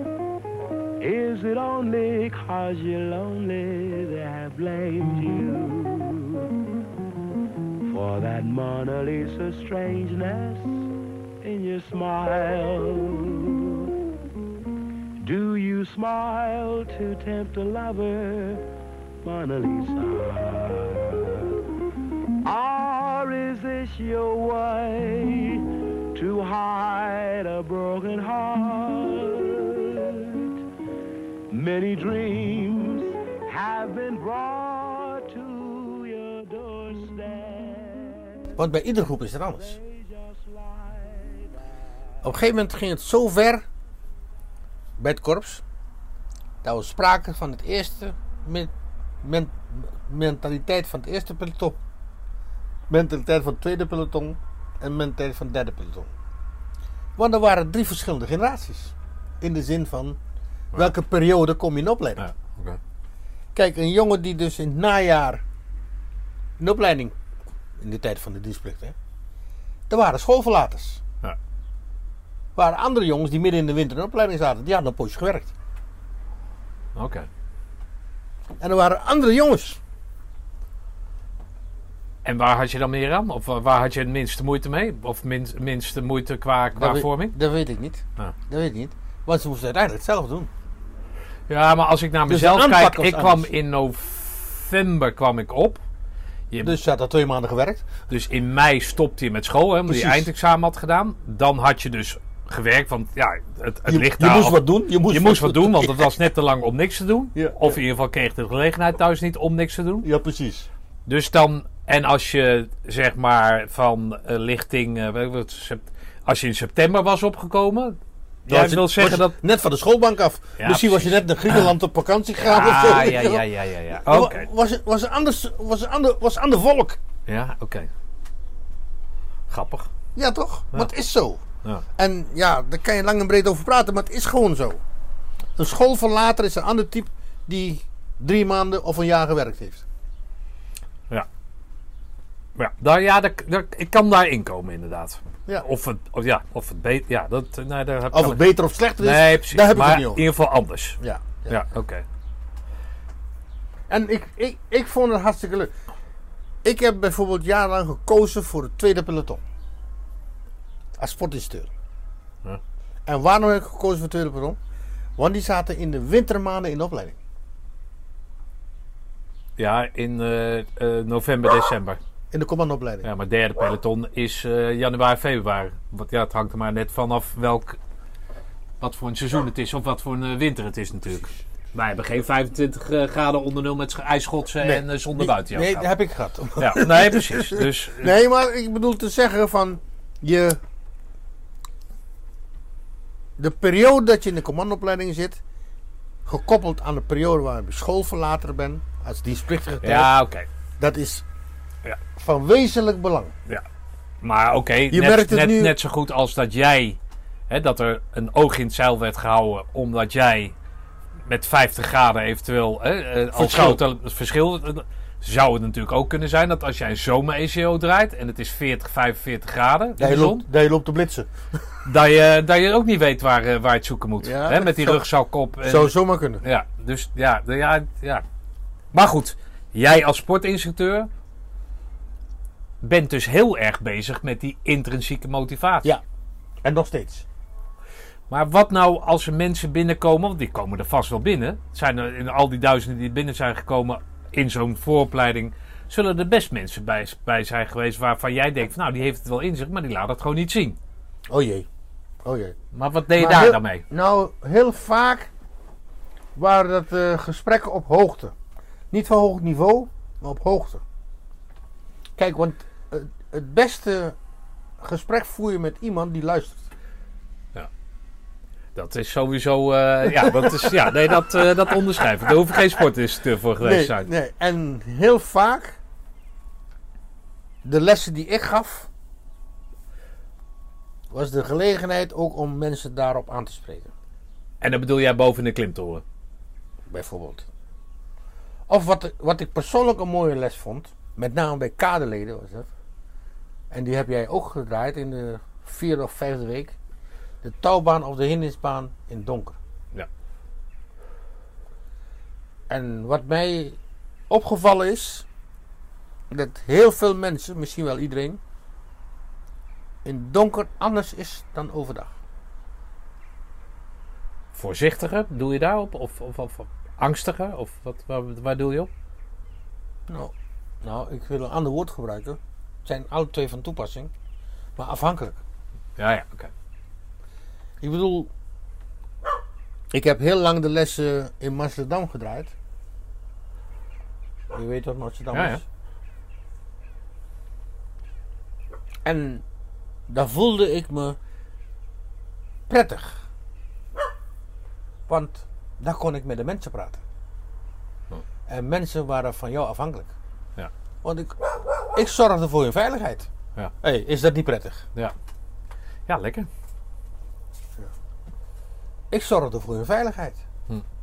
En daar kon je dus, overdreven gezegd, diepgaande gesprekken mee hebben. Je hoeft niet altijd daarop uit te zijn, maar het deed zich wel eens voor. Ja. Ik heb wel eens een jongen gehad. En die, eh, die was altijd de bink. Groot, sterk. En eh daar hadden wij een truc. Truc is niet het juiste woord. Maar hadden wij een methodiek. Dat we s'avonds de Piche Vertige gingen lopen. En Piche Vertige was een route over de rotsen. En dan moest je zo'n staalkabel over in een ravijn. En dat was op 60 meter. En dat was de eerste avond dat ze kwamen. Maar het was donker. En iedereen ging daar overheen. Niemand zei wat. Iedereen. Avond en stil hè. Ja. En de volgende dag zaten we op de Tazan. En dan stonden we in de dingen. En ik zei tegen die bewuste jongen het over had.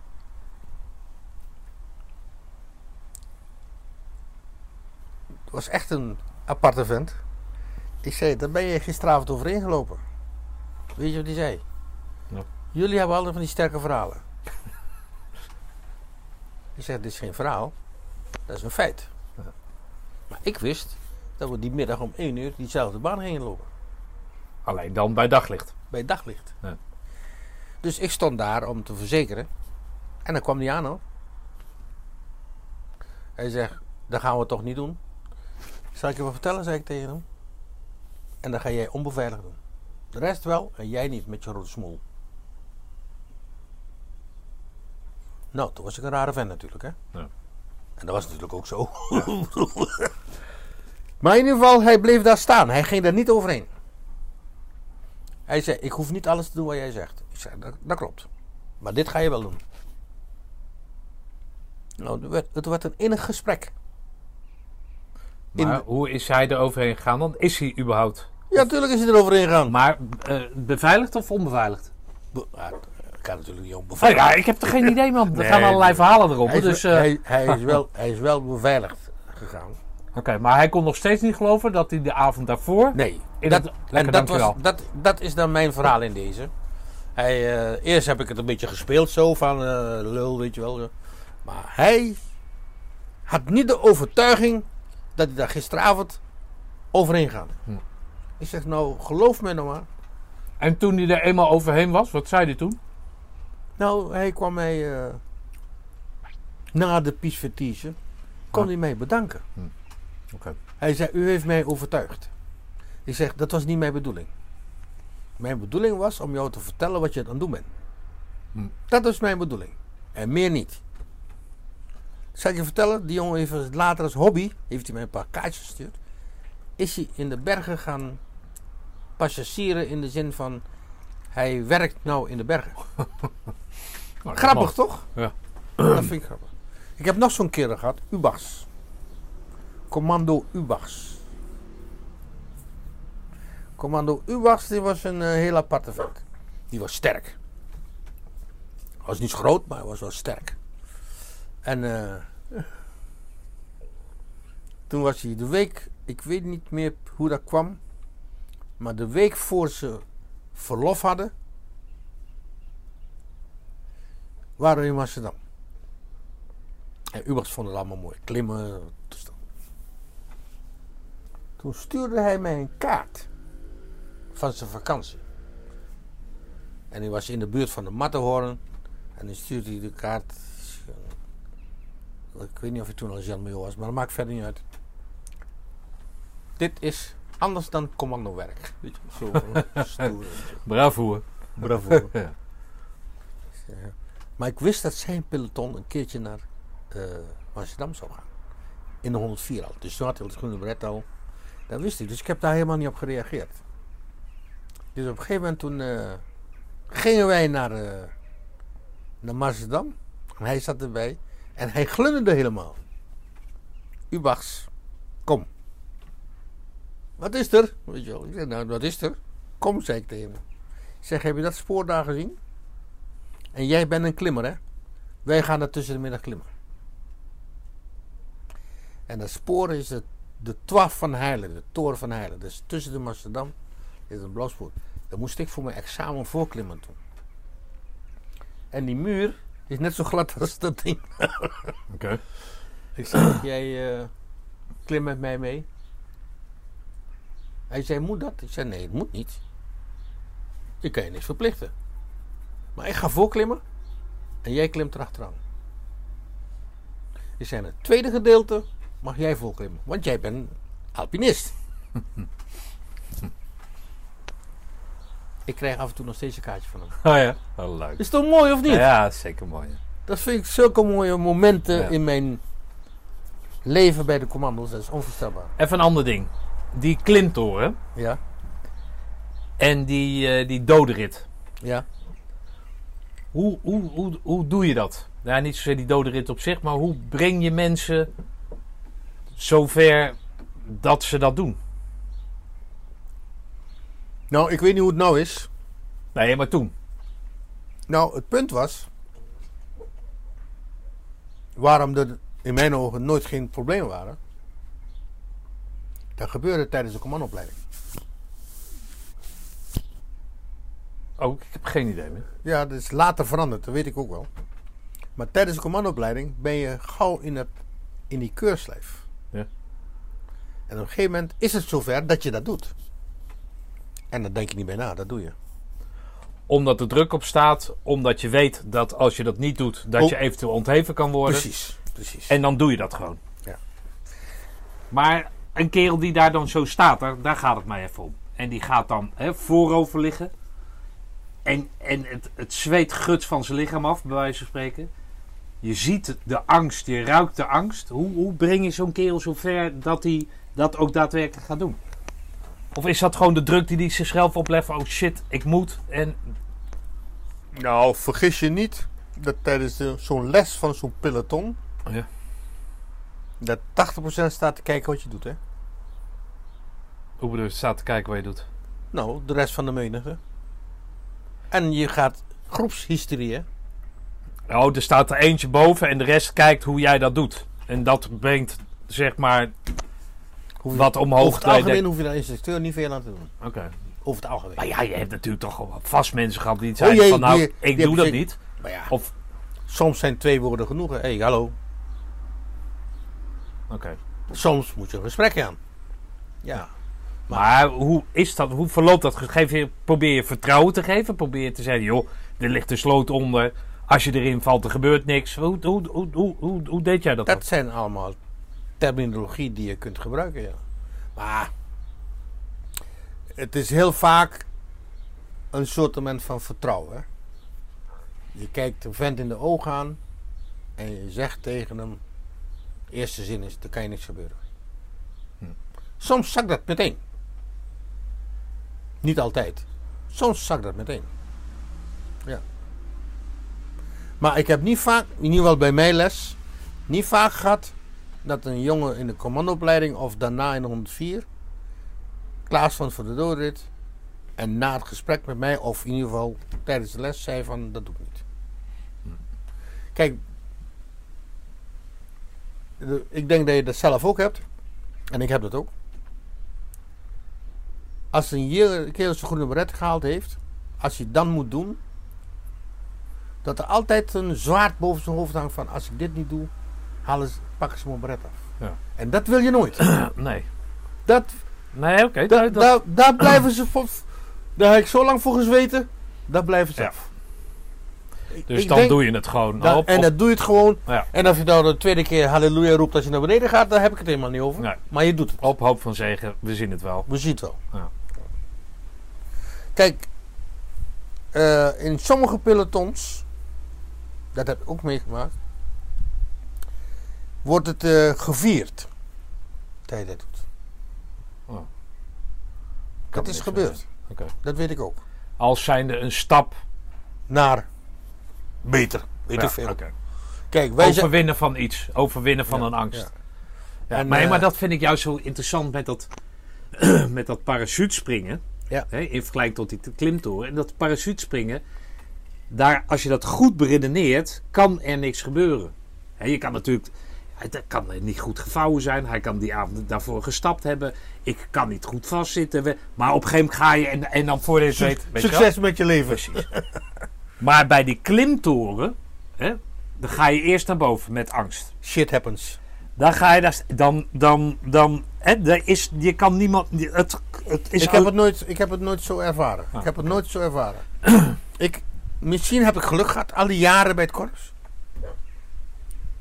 Ik heb niet meegemaakt dat een commando, aspirant commando, de doodrijd, de doodrit weigerde. Niet wilde maken. Ah, oké. En ik denk dat de gemiddelde jongen die bij ons in de opleiding, zeker vroeger kwam, dat als toch een soort kro- kroonjuweel zag. Denk ik. Dat denk ik ook. Ja. Ja. En eh, wie wil nou niet in bezit zijn van kroon, kroonjuwelen? Ja. ja, nee, absoluut. Nee, absoluut. Toch? Ja, nee, absoluut.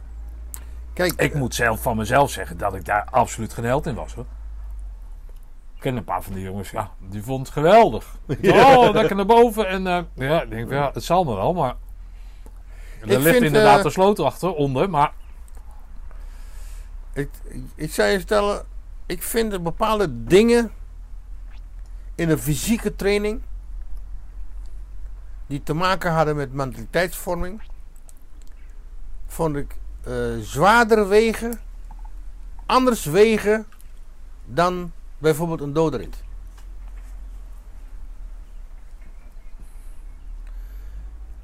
Ik zie tijdens de opleiding zijn er heel veel dingen veranderd. We zijn wat toegeeflijker geworden, toegeeflijker geworden met beveiligingsacties. We zijn wat meer, noem het maar, is niet juist wat ik zeg.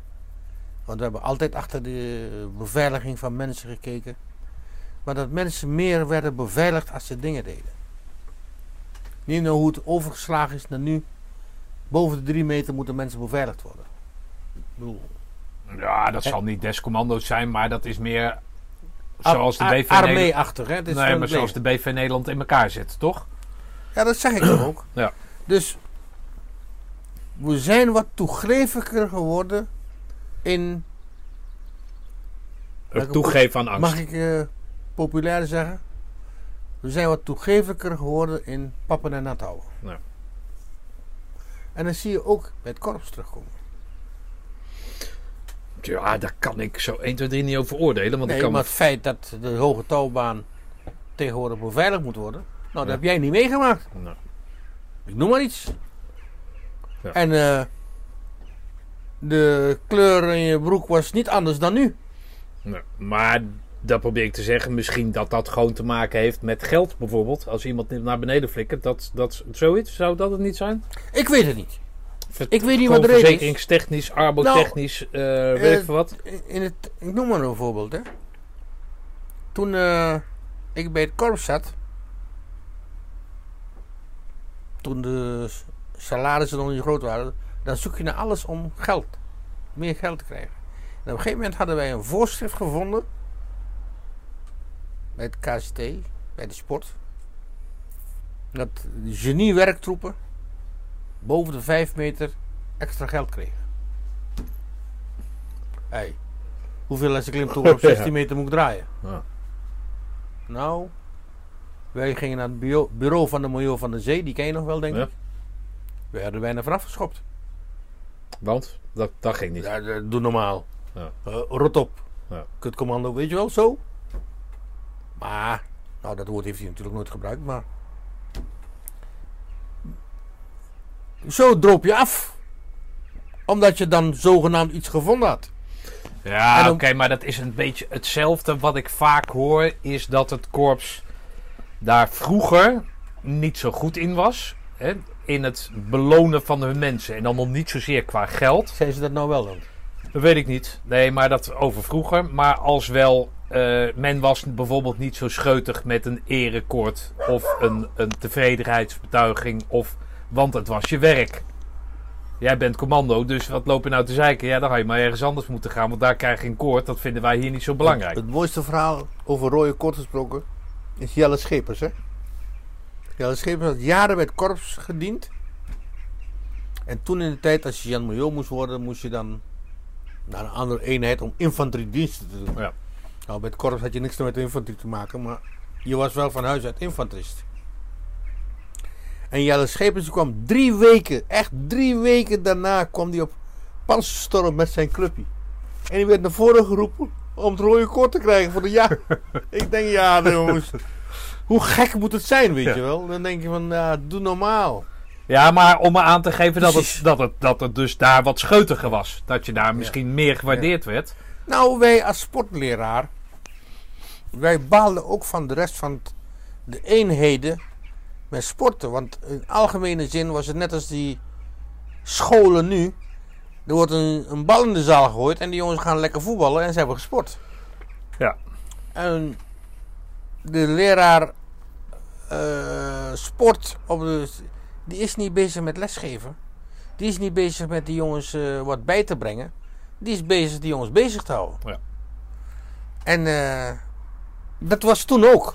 Ja, goed, maar dat zei Piet Paul ook. Hè. Op andere onderdelen, daar waren ze s'avonds tennislessen aan het geven. En ik werd het dan bijverdienen. En Ja. daar konden wij... Ja, maar daarom ga je bij het korps.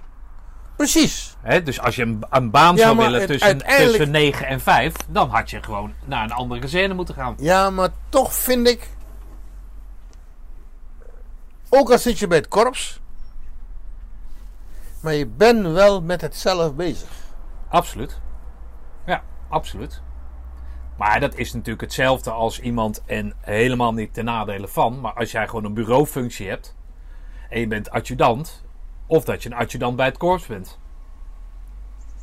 Dan heb je natuurlijk, hè, de een zit de hele, zijn hele carrière achter, een- achter een bureau. En de ander heeft met, loopt met zijn kloten op de hei, om, dat zo, om het zo maar te zeggen, bij dag en, eh, en- ontijd. En nou. En dauw, dag en dauw. Ja. Nee, maar dat is toch zo? Ja, je kiest ergens voor. En dat dat dan... Ja, maar dat wil niet zeggen dat die ander het goed doet. Nee, helemaal, ik- nee, helemaal niet. Nee, nee, helemaal niet. Nee, maar het, het lijkt een beetje of goed praten. Maar de- Nee, maar je, je kiest daarvoor. En daar is gewoon een hardere Morris. En zo van, joh, wat wil jij ja, nou? maar, maar daar heb ik nou hetzelfde met. eh En die instelling is bij mij. Is dat zo? Ja. En ik ga nou bij een rugbyclub. In het westen van het land. Pa dit en pa dat. Het is het bijna nou. Ik heb met die jongen te maken. Ja, maar Julius, ben je niet een beetje te hard voor de jongens? Gaat uw gang, meneer. Ik doe het op mijn manier. Ja. En die jongen moet gevormd worden. Hij kiest voor een fysieke sport, dus hij moet fysiek in orde zijn. Ja, maar hij zit zoveel uur op school. Ja. Is, is mijn probleem niet. Hij komt hier om rugby te leren. En ik ben verantwoordelijk dat hij rugby leert en dat hij zichzelf in veiligheid brengt. Ja. Nou, vergelijk het met de com- commando's. Ja, nee, dat is waar. Maar goed, dat, daar gaat het over een burgerding natuurlijk. Daar heb je altijd een keus. Bij, in, in, bij Defensie sta je bij wijze van spreken onder de krijgstucht, toch? Maar commando's heb je ja moeten zeggen om te komen. Ja, dat is ook vrij Ook jij in die Ja, ja. tijd. Ja, Je hebt ja moeten zeggen om te komen. Eigen keuze. En de keuze is dat je bij het korps dient. En daar hoort een bepaalde mentaliteit bij. En als je dat niet wil, of voor 9% wil, dan hoor je hier niet thuis. Nee. Oprotten, wegwezen. Ja, precies. Ja. Toch? Nee, daar heb je helemaal gelijk in. Je hebt helemaal gelijk in. En dat vind ik van de rugby ook. Ja, ik moet op vrijdag moet ik met mijn vrouw gaan winkelen. Weet je wat je doet?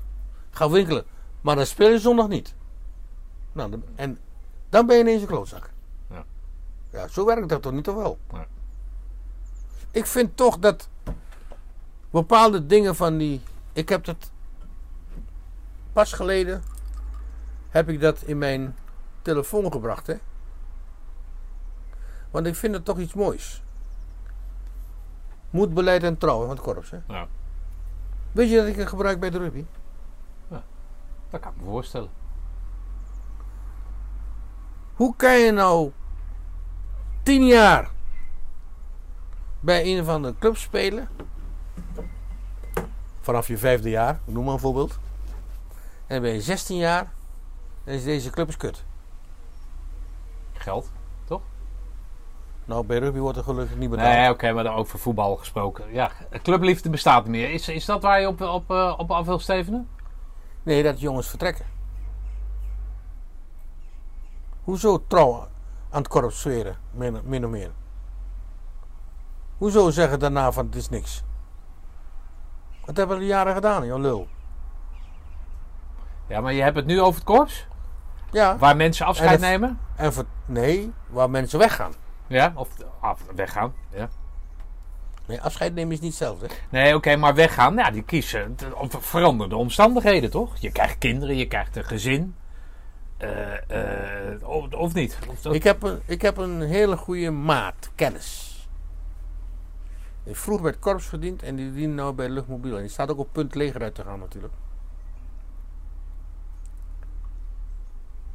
En die vraagt aan mij waar hij zijn afscheid moet houden. Ik zeg, dat maak je zelf uit. Niet ik. Ja, maar hij wil mijn mening horen, want ik heb mijn afscheid ook niet bij het korps. Ik zeg, voel je je steek gelaten door het korps? Nee. Maar ik ben zo lang weg. zeg, dan praat je over sentimenten. Zeg maar, wie wil je uitnodigen op jouw afscheid? Want daar gaat het om. Ja. Ik zeg, als je mensen uitnodigt van het korps, die jou waarschijnlijk helemaal niet meer kennen, dan kan ik me voorstellen dat je het niet bij het korps doet. Maar als je zegt, ik wil maar vijf mensen hebben op mijn afscheid, omdat ik daarmee gediend heb, dan moet je het bij het korps doen en die vijf kerels van het korps uitnodigen. En dan heb je een volle zaal van mensen waar je al die laatste 15 jaar mee gediend hebt. Ja.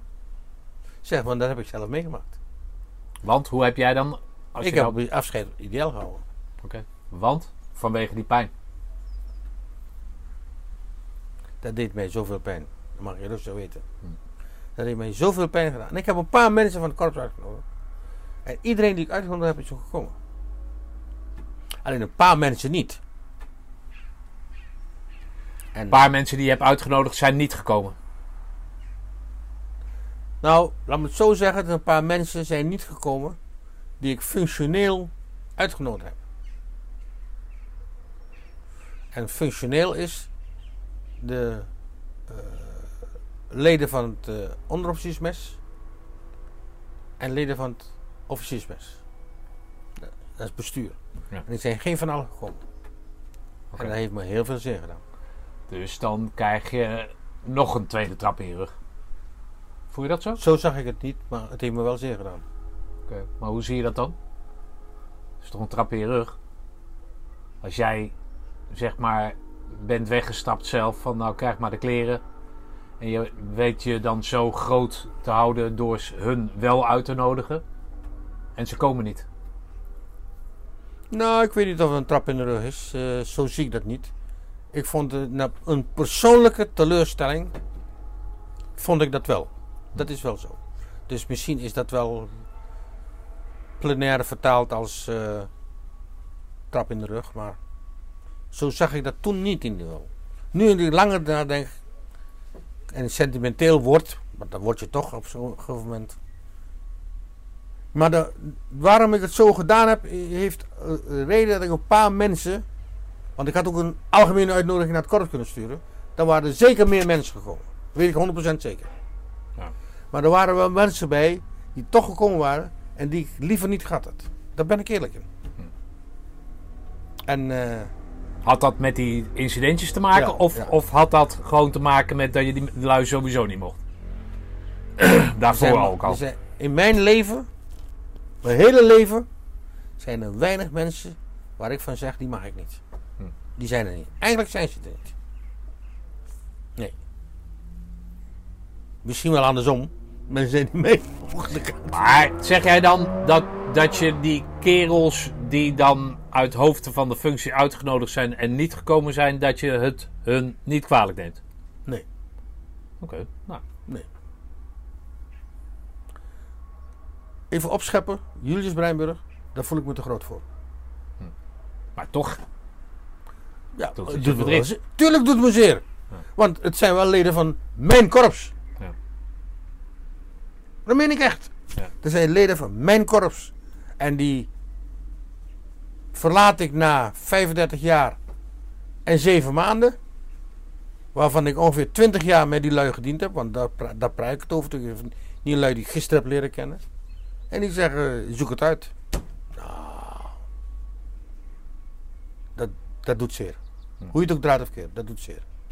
Kameraadschappelijkheid niet aanwezig. Meen ik echt hoor. En ik neem het ze nog steeds kwalijk na 21 jaar. Die zijn allemaal de dienst uit, maar ik neem het ze nog steeds kwalijk. Maar dat is, weet je, ik slaap er niet minder om. nou, het is een beetje haaks op elkaar dan, hè? Het maakt je niet uit, maar aan de andere kant heb je er veel verdriet Nou, van. dat heb ik niet gezegd, maakt niet uit. Dat heb ik niet gezegd. Nou, je staat erboven, Juist. maar het doet je toch verdriet. Nee, het zegt wat over die mensen. Kijk, als ik... eh, kennen ze jouw verhaal dan? Kennen ze jouw kant van het verhaal dan? nou, Kennelijk niet. nee. Nee. Nou, en dat heb ik al eerder aan je gevraagd. Waarom? En dan zeg jij van nee, zo ben ik nou eenmaal. Afstand, of afstand. Afscheid is afscheid, krijg de laarsers maar. Precies. Kijk, eh, jij maakt fouten, Ik maak fouten, hij maakt fouten. Maar uiteindelijk moeten we samen die klus klaren. Dan moet je scheid hebben aan de fouten en dan moet je gaan voor de klus. Ja. Toch? Ja. Nou, en dat heb ik in deze gemist. ja.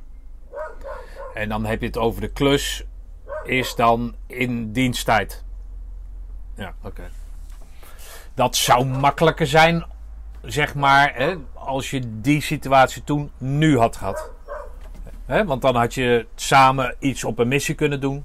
En dan ben je afhankelijk van mekaars vakmanschap. Ja, maar, en dan kom je makkelijker tot een- elkaar dan een- tijdens zo'n koude oorlog. Een missie is oorlog.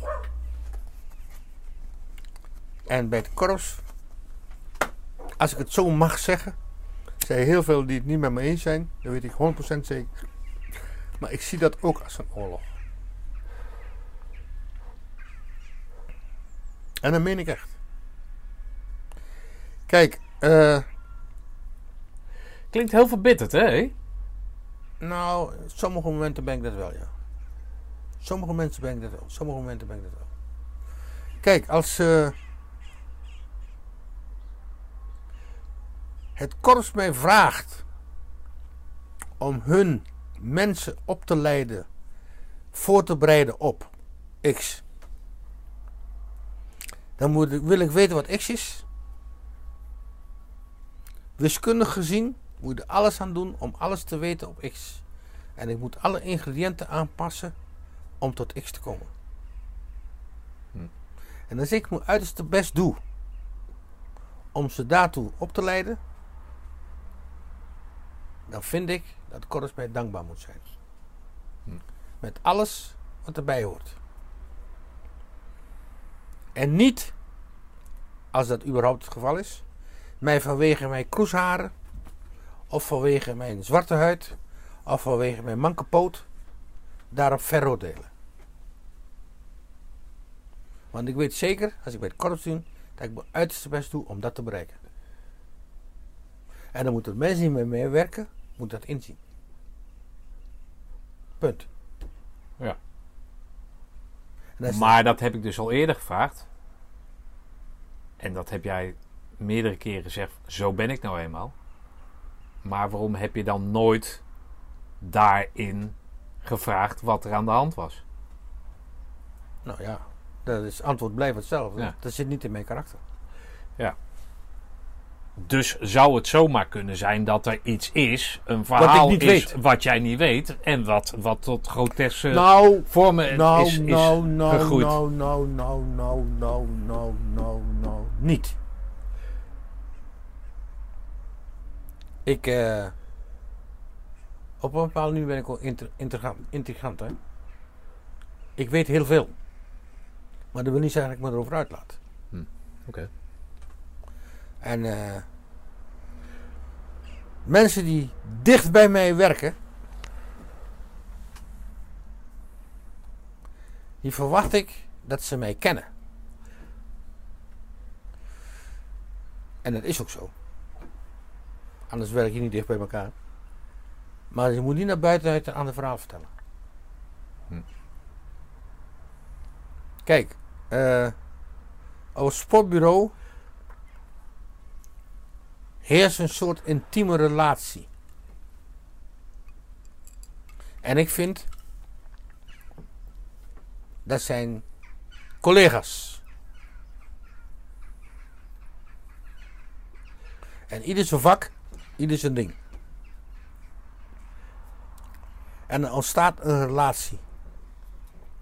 Maar die relatie bestaat, ontstaat in het geuniformeerde leven. En die relatie is niet in het privéleven. Dus jij zegt dat die collega's waarmee je werkt, dat dat geen vrienden zijn. Dat is niet wat ik gezegd heb. Nee, maar daar probeer ik achter te komen. Nee. Nee, want dat is niet waar. Kameraden hoeven geen vrienden te zijn. Maar kameraden kunnen wel intiem zijn. Hm. Tenminste, zo denk ik erover. Ik kan met jou honderd jaar spelen, maar je hoeft mijn vrouw niet te neuken. Nee, ik moet ook naar huis, joh. Dus nee, maar begrijp wat ik bedoel? Dat, nee, dat Ja, bedoel ja. ik met... Je, je kan heel dicht bij mij komen, maar dat hoeft niet. Nee. En ja, op een of andere manier heb ik het gevoel... Kijk, als ik... eh, ik wil een tipje van de zuider lichten. hè. Op een gegeven moment ben ik gescheiden. En eh, ik heb jarenlang, laat me het zo eh, even netjes uitdrukken, geen zichtbare relatie gehad. In de zin van, heb ik een aan een wijf of niet, weet je, dat bedoel ik. En mensen gaan toch praten. Zo zijn mensen nou eenmaal. En roddelen. En toen was ik een... eh, ik had overal een vriendinnetje. Ik ging nergens heen, maar ik had overal een vriendinnetje. Want die praatjes hoorde ik natuurlijk ook binnen de poorten. Van, eh, hij is weer daar. eh, terwijl het helemaal niet zo was. Maar maakt niet uit verder. Dat zijn hun verhalen. En ik heb er nooit wat aan gedaan om dat te pareren. En eigenlijk heb ik daar een beetje spijt van. Want het verhaal gaat dat Breinburg in ieder stadje aan een liefje had. Die neger gaat overal heen en. Ja. So what? Zolang het niet waar is, hoef ik er niks aan te doen, toch? Nee. Totdat ik op een gegeven moment een eh, hele jonge dame bij me had. En collega's tegen die dame zeiden... Je moet er niet vertrouwen hebben, iedere, andere iedere stad een ander schatje. Nou, dan, eh, dan ga ik over de kling. Alleen dat zeg ik niet. Ik denk wel bij mezelf, jou moet ik in de gaten houden. Dat denk ik wel. Maar als jij zegt dat je daar spijt van hebt dat je daar nooit wat van gezegd hebt. Waarom heb je daar nooit wat over gezegd dan? Omdat je van jezelf is dat het niet waar was. Maar aan die hele mythevorming, als ik het zo mag noemen, dat, dat, dat, wordt Dat doe ik er niet mee. Nee, dat doe jij niet aan mee, maar dat doen andere mensen dus kennelijk wel aan mee. En dan krijg je toch een soort roddelcircuit wat om jou draait, terwijl jij daar geen rol in speelt. Nou raak je voor mij een teer punt. Ik vind dat een korps zo groot korps, zo'n groot korps. Zo'n bijzonder korps, tenminste vind ik nog steeds. Roddelen toch uit en boos is. Ja, je zou het zeggen, maar ja, het is zo oud als de weg naar Kalingen natuurlijk, dat rollen. Of niet? Bij deze doe ik de uitspraak. Het is één grote incestueuze bende, het hele korps. Ja, maar dat zal bij elke groepering zijn, toch? Is ook zo, is ook zo, is ook zo. Kijk, en ik zou je een, een veer je reet stoppen. Hè? Als je nou een hele lelijke kerel was, onooglijk, krom, een houten been en ik weet het allemaal niet. Ja, had iedereen gezegd, ja, jezus, maar dat, hoe ken dat nou, joh? Ja, ja, ja. Hè? Ja, ja, ja. ja ik, Maar Juist. in principe, wat dat betreft, En heb, ik heb- heb je toch alles dan tegen? Je bent toch, ja, ik, ik val niet op mannen, maar de- je bent toch een knappe vent om te zien. Je hebt je babbels bij je, eh, ik weet het allemaal niet. ja, maar moet dat dan zo erg Nee, zijn? helemaal niet. Maar je, kan het toch, je zou het dan toch in jouw ding van nou, scheid eraan. Zou je het toch ook als een compliment kunnen zien? Als het niet waar is, nou, Dat- laat ze lekker lullen. Dat heb ik vorige week nog aan mijn vrouw verteld. Ja. Die zei, laat ze de scheid krijgen.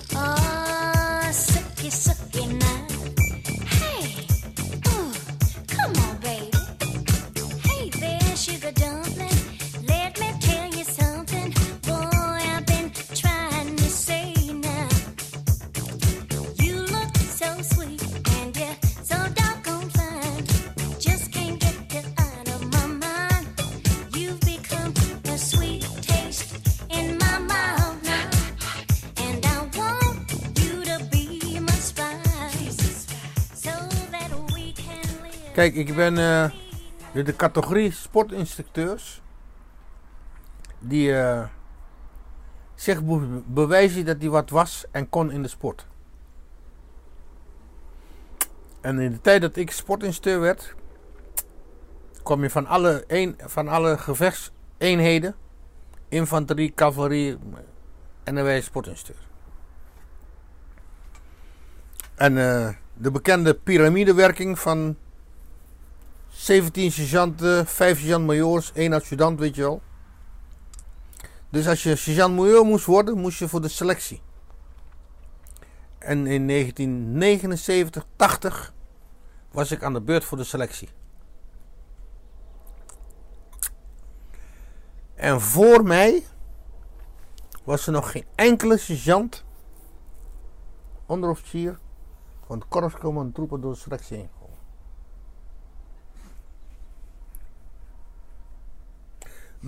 Na, na mij hoefde niemand meer voor de selectie. Toen was de piramide goed gesitueerd ge- en iedereen werd automatisch sergeant-major in de sport. Maar ik moest nog voor de selectie. En ik had me voorgenomen. Ik had me ook ingedekt, daar ben ik eerlijk in. Ik zal dat godverdomme halen. Als ik tien jaar in de sport gezeten heb. Wie is nou niemand die mij zegt dat ik geen goede sportinstructeur ben? Want dat komt dan. Ja, maar e- even heel wat anders, hè. Dat waren... Die keuring waren alleen maar sportinstructeurs. Ja. Die opgingen voor de sergeant-major functie. Ja.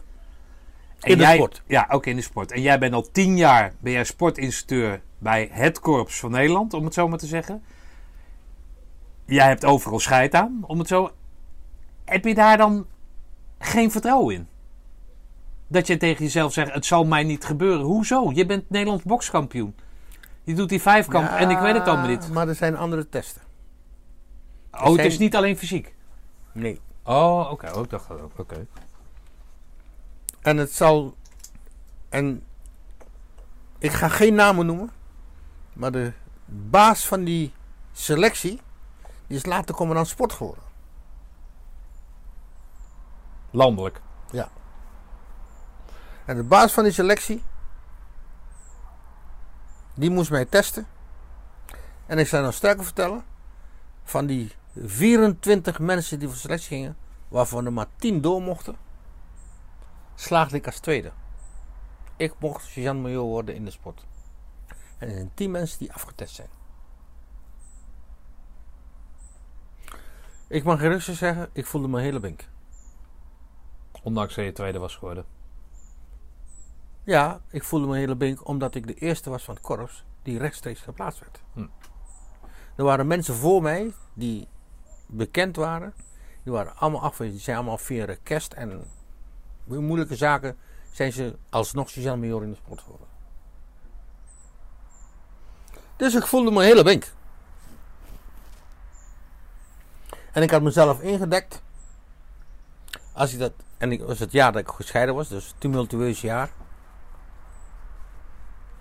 Ik heb toen een managementcursus gevolgd. Want als ik het niet zou worden, zou ik teruggaan naar de tropen. En bij mijn vader in de zaak gaan werken. Maar die twee brakken van mij, die hielden mij tegen. Brakken zijn? Twee Zonen. Ja. Die hielden mij tegen. Ik denk, ja, moet ik die jongens nou verlaten voor mijn eigen gewin? Want die ik was gescheiden, hè, weet je. Ja. Hoe oud waren de jongens toen? Eh, 79, die waren 7 en 8, 7 en Oh, jong dus. jong. Ja, jong. Maar, oké. Dus ik koos toen om toch in de sport te blijven. Maar er was geen plaats voor de Jean Major. En toen gingen de verhalen al, hè, want ik had in ieder stadje een schatje en je kent het wel, al dat gedoe. En toen koos ik al voor, luister, als ik geslaagd ben voor Jean Major,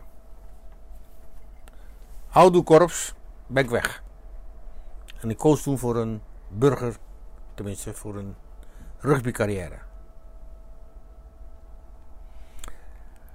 En dat heb ik ook kenbaar gemaakt bij de sportorganisatie. En toen werd ik geplaatst op het OCMGD. Daar kon ik meteen Jean Major worden. Ja, zo was het. En ik werd geplaatst in eh Hilversum, hè, dat was dat toen. En ik ging de rugbyclub Het Gooi en Amstelveen trainen. Toen heb ik ook mijn, rugbycarrière heeft toen een boost gekregen, want er waren grote verenigingen. En eh Amstelveen werd ik eh Sevens kampioen van Nederland. En nou ja, je kent het wel. En toen werd het panzerstorm werd verdubbeld. In plaats van 18 panzerstormen werden 36 panzerstormen per jaar ge- ge- gedaan. Dus de bezetting qua instructeurs bij het korps, pff, die werd ook bijna verdubbeld. Ja. Dus toen kwam in de OTAS, Wat is dat, auto's? onderdeels, in ieder geval de organisatie van het onderdeel. Oh, ja, oké. Weet ik niet meer. En die werd veranderd. En er waren twee Jean-Majors nodig bij het korps. Toen hebben de collega's hebben gezorgd dat ik terugkwam. Toen ben ik teruggegaan met het korps. Na tien maanden. Inclusief de cursus van zes maanden. Dus ik was nauwelijks, overdreven gezegd, militaire term. Mijn plunjezak was nog niet eens uitgepakt. Ik had al een huis in Almere.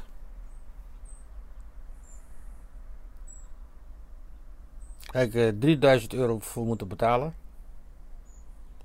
En de korps haalde mij terug. Dus toen moest ik bij de major van de zee op, eh, op het matje komen. Dat ik mijn smoel moest houden en gauw moest gaan werken. Want de club stond te wachten. Ik zei, ho, ho, ho, wacht even, major. Ik heb een probleem. Zoveel geld heb ik niet. Toen moest je nog alimentatie betalen. Zo werkt het niet. Hij zei, hoezo werkt het niet? Je moet je smoel houden. En nee. Nou ja, je weet hoe Van de Zee is. Die, eh, ik moest mijn smoel houden. Maar in ieder geval, ze betalen die 3000 euro betalen ze terug. Nou, dat is netjes. Toch of niet? Ja. Nou, en ik was toen vrijgezel. Ik ging op de kazerne wonen. Altijd gezellig. Nou, en toen kwamen de verhalen. Want ik reed toen een grote BMW en... pff, weet je wel. En eh, het leven ging zoals het ging. En met die twee jongens moesten toen... Om de 14 dagen kwamen ze bij mij, maar... Ja, dat schoot niet op natuurlijk, want... Wat moesten ze op de kazerne doen? Twee keer de hindersbaan en de dag was om, hè? Dat schiet niet op. Ja, ik bedoel, dat, dat, dat, thuis is anders, hè? Ja. Op een kazerne is toch Ja, een ander nee, leven. ja, voor- en er is voor niemand. Voor een jongen van 11 jaar. Ja, Ik er is niemand, toch? Dus ik moest een huis zoeken en... eh, Oké, dat is allemaal gebeurd en... Twee keer de hindernisbaan. Ja, dat schiet toch niet op. nou, niet dat hun dat erg vonden, maar op een gegeven moment houdt het op Ja, natuurlijk. ja, nee. En eh, ik ben toen heel erg aan de slag geweest met die jongens. Dat weet ik wel. En toen kreeg ik een eh, werk voor de Nationale Reserve. En dan kon ik eh, voor een schappelijke prijs een, eh, een, eh, een Land Rover bezitten, om het zo maar te zeggen. Een rode met witte. En ik, werd teruggehaald naar Roosendaal en ik ging de rugbyclub trainen. En het leven ging goed. Dus ik kreeg een relatie met een eh, hele jonge dame. Prachtige dame. En ze kwam de eerste dag op de kazerne. Ik zal het nooit vergeten. En we moesten spelen tegen Hilversum. Want jullie speelden toen nog op de kazerne. Nee, we speelden toen op het veld van Allianz. Die is Ah, de kazerne. En ik... Ik kom s'avonds thuis. Mijn meisje. Maar dat was het gewoon. Die was meegegaan naar rugby. Ik had de jongens thuis afgezet bij hun moeder. Toen woonden ze nog niet bij mij. En er zat een vrouw, meisje, met grote tranen in de ogen te huilen. Zeg, heb jij geen gezellige dag gehad? Nee. Oké. Vertel. Ja, jij bent niet te vertrouwen en je hebt hier en daar een schatje. En...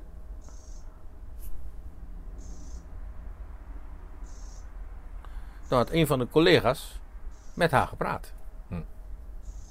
Ik denk, dat doe je toch? Nee.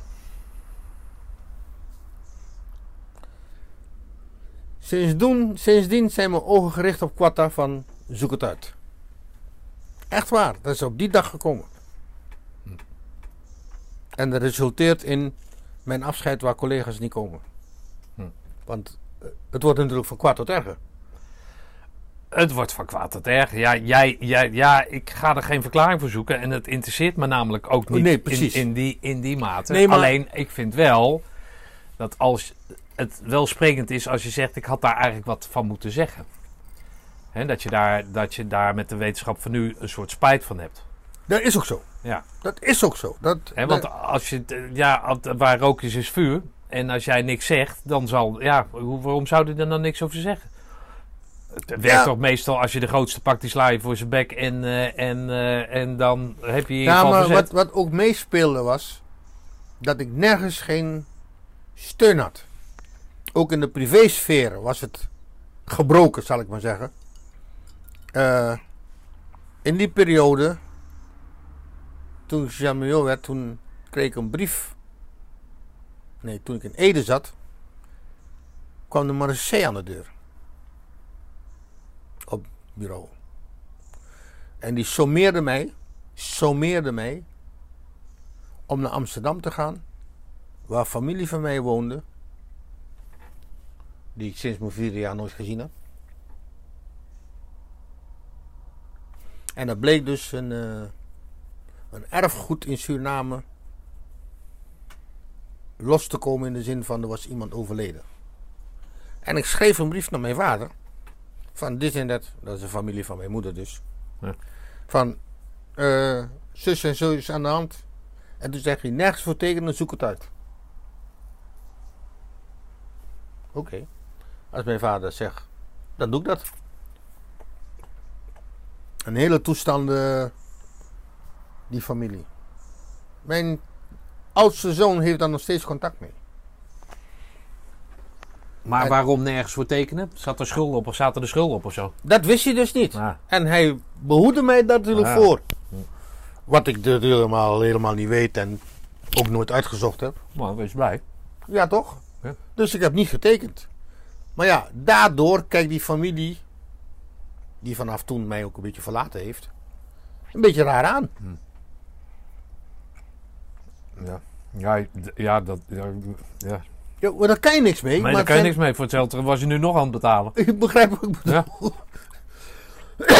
dus alles bij elkaar was een heel. Wat ik probeer te zeggen is. Tussen de jaren 80 en 84. Voor mij een hele emotionele periode. Ja, dat kan ik me waar ik mijn weg in moest vinden. In de zin van. Dus ik, ik militaire kreet, ik, dien, ik gedroeg me toen ook dino-overeenkomstig. Ja.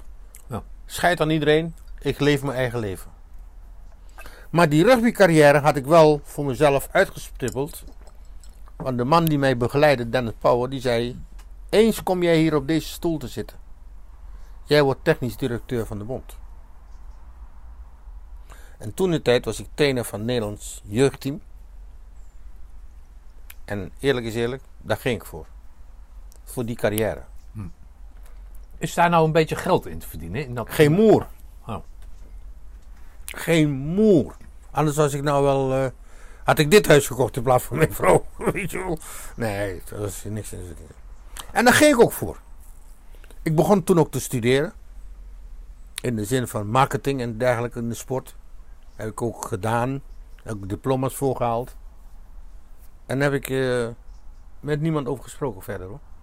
Hm. Want ik vind dat gaat hun geen moer aan. Dat is een privéleven. En dat vind ik nog steeds.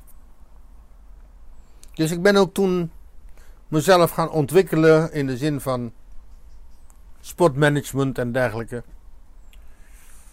Ik denk, dat dacht ik toen echt. Ik heb het nooit gedaan. Ik heb het zelfs nooit overwogen.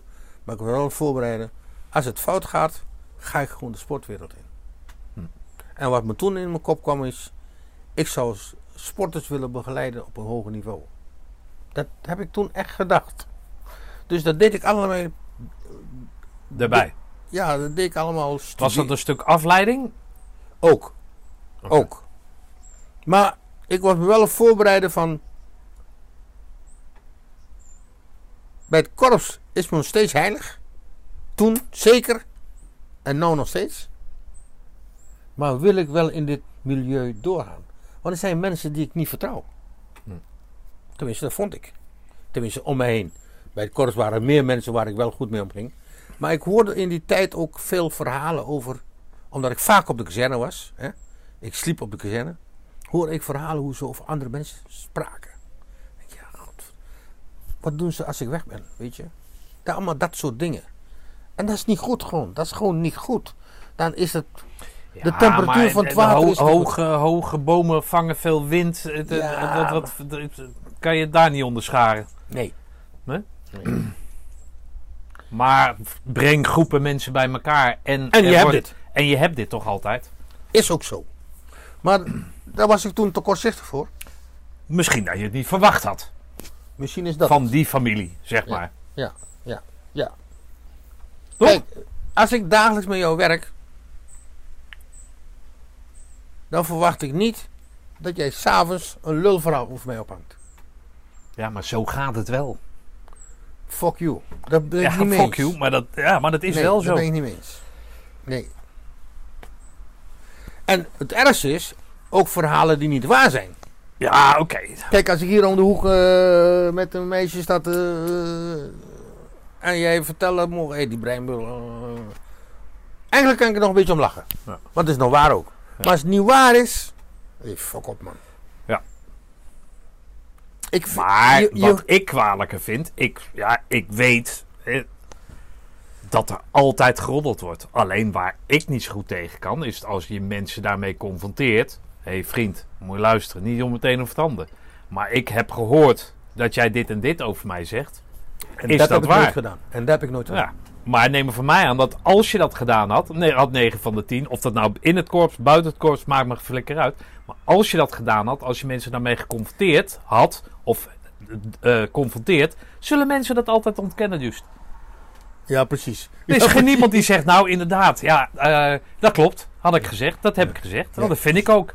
En dan zeg jij natuurlijk op dat moment, ja, maar waarom zeg je dat, dat niet tegen mij? Ja, juist, moet je luisteren. eh, eh, hè, dus ik denk dat dat... Nee, maar kijk, weet je, dat vond ik zo mooi. Dat jij dat aanhaalde. Vanmiddag toen we nog informeel aan het praten waren. Dat je het over Kees de Waard had. Die had een boek geschreven en die had mij een stukje opgestuurd. En er was een moment dat hij schreef in dat boek. Dat er een- situatie was. Ja, maar Breinburg was net te verkennen. Let op. Hij zal wel bij een van de vrouwen gestaan hebben. Wat schreef hij in zijn boek? Ja. Oké, heeft dat het boek gehaald? Dat weet ik niet, want ik heb het boek niet gelezen. oké. Ik denk, wa- waarom?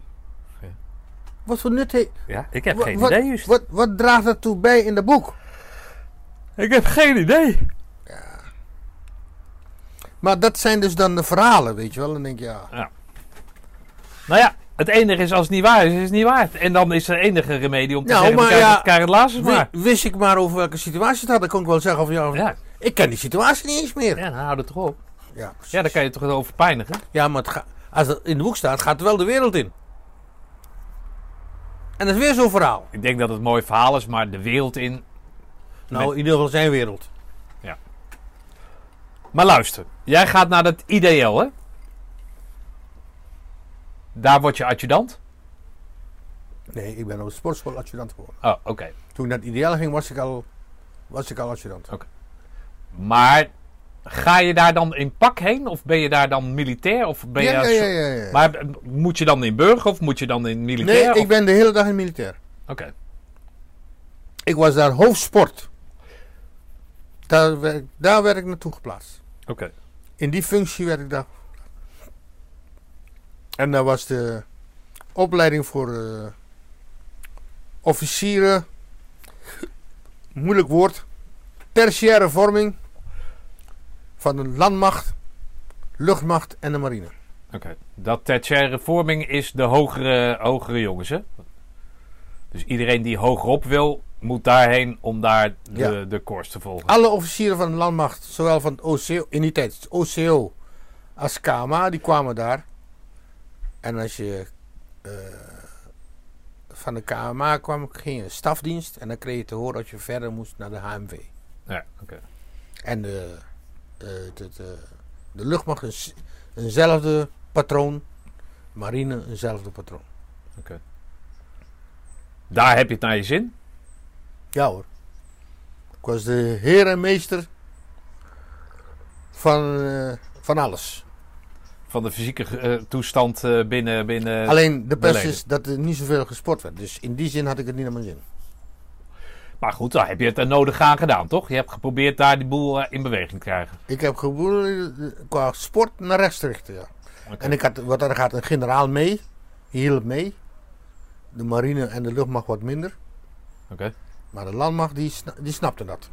Oké. Nog zeker, ik heb aan kapiteins aanstaande major zelfs de cursus, eh tenminste, de treinwerk gegeven. Die, en die, die pruimde het helemaal. Ik heb in de vijver op het ideaal die mannen met de kapitein voorkomen laten zwemmen. Dat vond ik wel grappig. Over motivatie gesproken. Hm. En ik ben eh, met die, die eh, landmachtkerels naar de Ardennen geweest. Dat, heb ik ook nog voor elkaar gekregen. Oké. Nee, het was een mooie periode. En daar heb ik mijn eh, huidige vrouw leren kennen. Alleen toen had ik er nog niks mee. Nou, daar wilde ik eigenlijk een beetje naartoe. Die was daar hoofdfacilitaire dienst. En hoe, ontmoet je elkaar dan? Ja, Gewoon. in het werk. Hey, Goedemorgen, hoi. goedenavond. Meer niet. Oké. Maar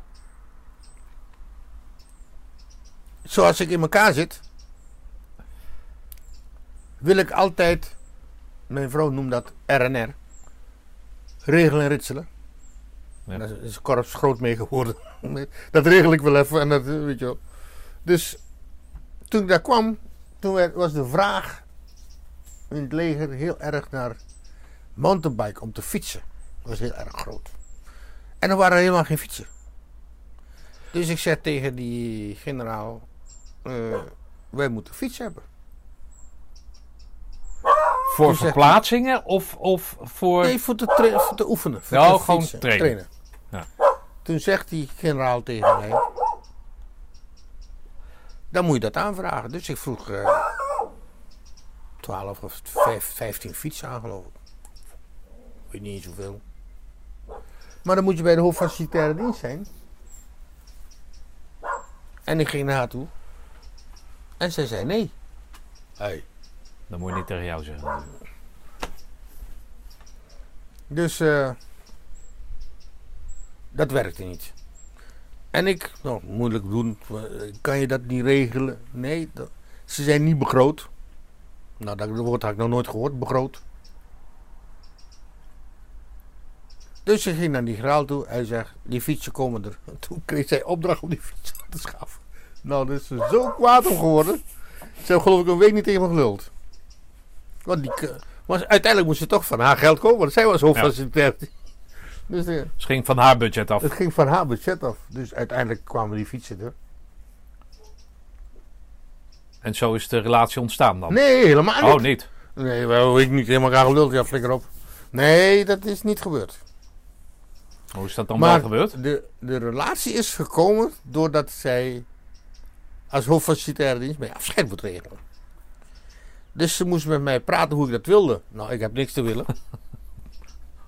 Nee, nee ik heb niks te willen. Maar dat gaat over de hoeveelheid uitnodigingen, bitterballen, wijn of bier. aantal bitterballen en zo.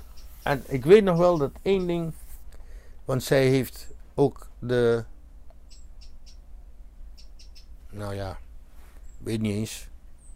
Ik noem het maar een veredelde vorm van ho- horeca onder school gedaan. Ja. Dus zij was daar ook een beetje heel goed in. Daarom is ze ook daar gekomen. Maar in ieder geval, ze vroeg wel dat, eh, wil jij niet spe- iets specifieks? Ja, je bent toch Surinamer? Qua eten. Ja. Ja, Dus ik zei ja. In stijl. Ik zeg, nou ja. Ik zeg, vlammetjes vind ik niet echt eh, Surinaams. dus toen is een reis gemaakt met, eh, laten maken tenminste. Ja. Met eh, bruine bonen en, maar in ieder geval Surinaams hapjes. Maar echt Surinaams of op zijn Nederlands Surinaams? Nee, Surinaams. Echt Surinaams, Echt oké. Surinaams. Hebben ze laten maken. En, nou ja, dat heb ik wel bijzonder gewaardeerd natuurlijk. Ja. Was een verrassing. Echt een verrassing. Maar ik had een paar mensen van het korps uitgenodigd. Waaronder Ed Oskam. Edwin Altenberg, die ken je ook nog Ja. wel. Die andere Surinamer, hè, hebben we het Die over andere gehad. Surinamer. Ja. ja, en ik weet niet meer wie. Maar in ieder geval een man of vijf van het korps. Maar waar ik het net over had, die onderofficieren van de onderofficiersmes, die kwamen niet. En ja, het doet me gewoon verschrikkelijk zeer, weet je dat. Maar Altenberg en Oskam kwamen wel. Nee, maar de onderofficieren mes. Ja, maar dat is toch een bestuur? Dat nee, nee. Wat dan? Dat zijn toch mensen die jij in Ja, principe er wellicht men- niet eens zou Er kennen? zaten toen mensen in het bestuur die mij ook aan het hart lagen. Ja, oké. Dus daarom vond ik het erg. Ja. En het mooiste was, ja, mooiste. Het ellendigste was, je kan het zo laten zien. Als je bij het korps weggaat, dan krijg je zo'n bord mee met commandoteken erin. Ja. En die hebben ze meegegeven aan iemand. En die heb je nooit gekregen. Jawel. Oh. Die is diezelfde avond kapot gevallen. Oh. Daar heb ik bij staan janken. Ja. Vond ik zo erg. Dat die vent waar het om ging, en dan ga ik die naam nooit noemen. Waar het om ging, niet geweest is en mij dat bord gaf. Dat vond ik zo erg. Dat was een blow in the face. Dat meen ik echt. Maar hij is niet gekomen, maar dat bord is aan iemand anders hij meegegeven. Ja. En dat is op dezelfde avond is dat kapot gevallen. Hoe, hoe dingen in elkaar kunnen vallen, zeg ik altijd maar. Ja. En eh, van de officiersmes heb ik nog niet eens een bericht gehad. Vond ik ook erg.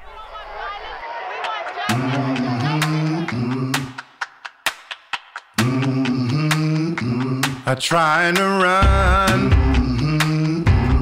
I grow weary. I try to walk,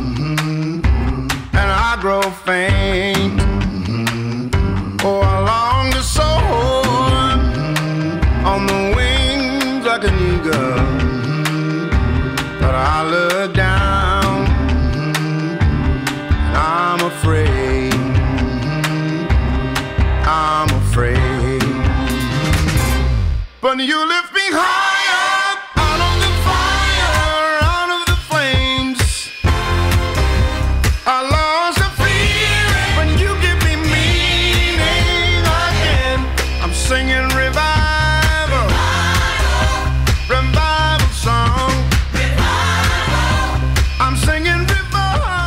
goed, je hebt daar wel je vrouw ontmoet. En hoe is dat dan verder gegaan?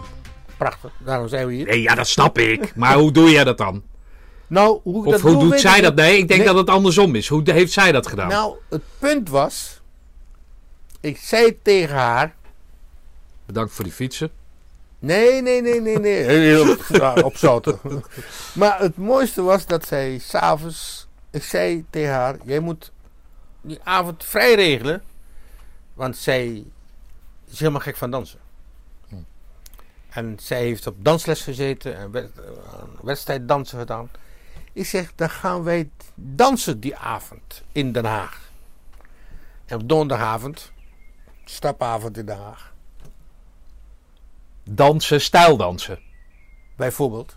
Maar wij zouden salsa gaan dansen. Oh, oké. Kan jij salsa dansen? Ja, ja natuurlijk. Nou, rustig aan, hè. Ja, eh, ja nee, pas op hè. Pokkel pokkel hè. En, eh, en eh, wij gaan de stad in met z'n tweeën. De rest, eh, die... eh, die, die, die- Afgehaakt. Oké. Nee, we zijn op de kazerne heel lang gebleven. En ik denk 10 uur, 11 uur s'avonds, terwijl het al 4 uur al bezig was. Dus wij gingen s'avonds de stad in met mijn auto. Ik, eerlijk gezegd, ik heb niks gedronken. En eh, wij gingen de stad in. Naar die tent waar we naartoe zouden gaan. En die was godverdomme dicht. Jezus Christus. wat- Voor mij was dat een verschrikkelijke teleurstelling. Goeie, Voor voor, goeie voorbereiding. Voor haar ook. Ja. Maar uiteindelijk. En toen heeft ze de legendarische, eh, woord- legendarische woorden gesproken. Van. Betekent dat dat ik jou na vanavond nooit meer zie? Ik zeg, dat ligt aan jou. Prachtig toch, zoiets? Ja. Ik zeg, dat ligt aan jou. En toen krijg ik toestemming gekregen, dat weet ik nog wel. Van de Want toen was ik, werd ik, diezelfde avond is de directeur van de, op mijn afscheid, de directeur van de Nederlands Rugbybond verschenen. Was een oud kolonel van de marine. Was directeur, algemeen directeur van de Rugbybond. En die zegt tegen mij, let op hè, echt eh, kolonel. Die zegt tegen mij, ga je met Inke van morgen bij mij op bureau werken? Ik zeg, wat zegt u? Ja, zegt hij, er is nog een functie van eh technische directeur. En mijn ogen stonden gelijk kwatta van, hé, hey, wat gebeurt hier nou? Ik zeg, nou, Lup, zo heet die man. Morgenochtend ben ik er niet hoor. Hij zegt, nou, dat begrijp ik wel. Maar maandag ben je er, weet je wel, zo. Je zegt, hoe laat? 7 uur, 8 uur of 9 uur?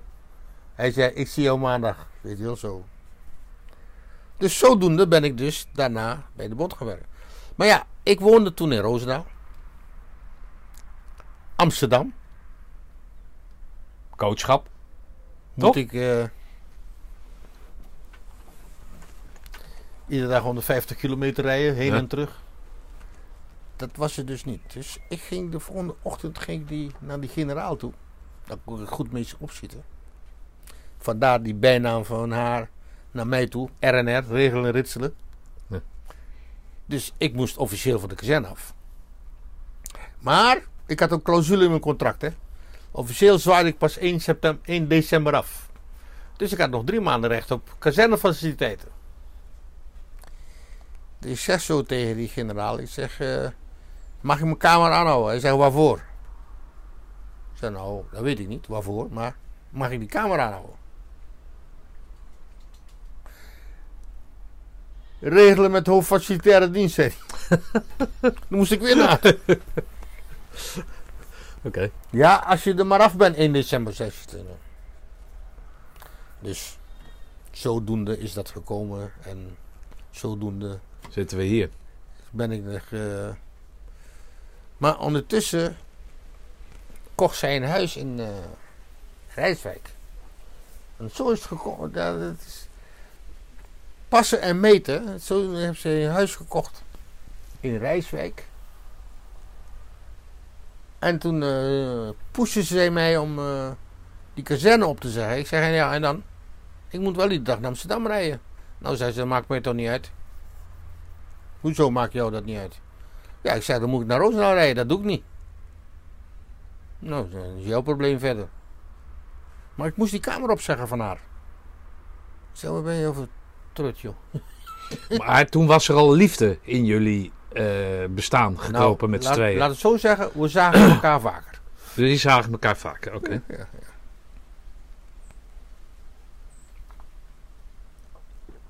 En eh, Toen heeft ze je dus gevraagd of je bij haar wilde wonen. nou, nou, ze zei, maar je kan ook... Want ik trainde toen Delft studenten. Dus Delft Den Haag is dichtbij. Begrijp je? Dus. eh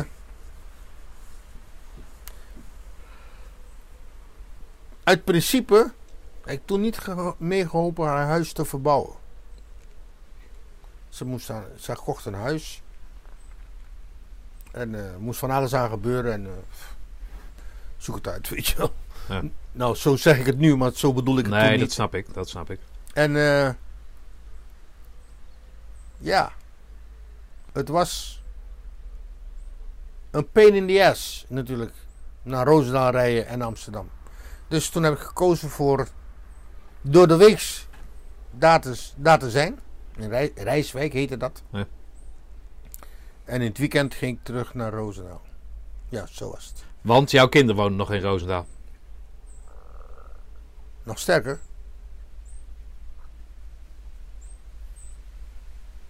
Ja, ja, ja. Die wonen Dus je had een reden om terug naar Roosendaal te gaan elke iedere weekend. keer. Iedere Ja, keer. oké. Nou, is toch een eh, plausibele reden? Jawel, jawel, jawel. Maar die jongens die kwamen toen ook bij mij wonen. Ja, oké. Zo was het. Ja, met name de oudste. De jongste die, die wandelde, bewandelde altijd al eigen leven. Dus eh, zoek het uit. En Nou, op een gegeven moment, eh, toen kwam dat geval van die huizen. Toen gingen, ze, gingen we huizen kijken. En toen ko- kozen wij, kan je nagaan, wij kozen voor dit huis. Het huis in Zundert met het fantastische uitzicht. Ja, daar kozen wij Op die hectare grond, waar nou je vrouw al het hooi bij elkaar aan het... eh, Ja. En dat gaat ook naar die boer. Waar, Die, gaat, eh, die strijkt het allemaal op voor de winter. Ja, ja, oké. Maar ik ben vandaag... Ja, we hebben dat stuk gedaan, ja. Ja. En eh, ja, en zodoende zijn we hier. En af en toe geef ik nog wat lessen aan het ministerie, want zij werkt bij het ministerie. Geef ik nog wat lessen over beeldvorming en leiding geven. Nou, je hebt Ja. zelf gehoord dat ze wat zei vanmiddag. En zo hou ik me af en toe een beetje bezig. En ik vind het hartstikke leuk om nog steeds... Daar ga ik helemaal in op, hè. Ik heb nou weer een nieuwe groep. Van jongens van 15 jaar. En voor te bereiden voor het rugby. En een van mijn zonen vindt het maar niks dat ik de jeugd train. Nou, ik vind het hartstikke leuk. Oké. Ik vind het hartstikke leuk. Ja, dat meen ik echt. Ik vind het zo... Ik hou van vormen. Mensen begeleiden om iets te worden. Dat, echt, dat is mijn ding. Hm. En toevallig is dat nou mijn rugby. En de jeugdgevangenis heb ik het ook gehad. Er waren jongens van 16 jaar, die hadden de, de postbank overvallen. Want En, daar eh, heb je tussentijds gewerkt, hè? Na je pensioen heb je daar... eh, En eigenlijk zou ik dat zo weer willen doen, want ja, zo, zo mooi is dat om die jongens. Is net met jullie vroeger. Kut kerels, weet je wel. Maak er kerels van, weet je wel. Dat, Ja. Ik vind dat wel wat. Ja. Ik, is, Nou, alleen in die gevangenis, hè, in zo'n gevangenisomgeving, kan ik me voorstellen dat daar nog meer uitdaging ligt. Oh, zo mooi. Omdat die intrinsieke motivatie, als we daarover mogen spreken, Maar- hun natuurlijk totaal ontbreekt. Die hebben ze wel. Ja, die moet je opzien te, te, te wekken. Dat is het grappige Ja, ervan. precies. Dat, die moet Dat je, is het grappige Ja. ervan. Ja. Net als jullie. Je komt bij het korps en in principe, je bent een dienstplichtige rukker. Ja. En wat wil je eigenlijk? Ja. Je weet niet eens wat je wil. Nou, nou, je weet niet eens wat het is. Ja, je weet niet wat het is, maar dan word je door aangestoken, door Ja. figuren zoals jij. ja. En zoals jij dat zelf dan ook wilde. Hè? Het- Zoals jij zegt over die klimtoren. Ik heb wel eens een jongen gehad in de, bij, ben uitgenodigd op zijn, op bruiloft notabene. Dat is jammer. Die zei tegen mij op de hindernisbaan, waarom moet ik dat nou doen? Nu, wat wil je voor gesprek eigenlijk? Lul, weet je wel. Zeg, zou ik je wat vertellen? Je moet gewoon doen wat ik zeg. En voor de rest moet je gewoon je smoel houden. Hij zegt, dat is wel erg makkelijk hè? Ik zeg, voor die weg kies ik nu. En die les was afgelopen. Ja, ik geloof je niet wat ik nou vertellen. En hij had gewoon de beste tijd. Je zie je dat je gewoon een lul bent eigenlijk. Het beste uit mensen halen. Ja, toch? Dat, dat is wat je wil. Precies. Nou ja, dat. dat en eh, ja. Ik, ik denk dat die notabene van jouw lichting is. Wie dan? Want het was rond die tijd was dat. Hoe heet die nou toch, joh?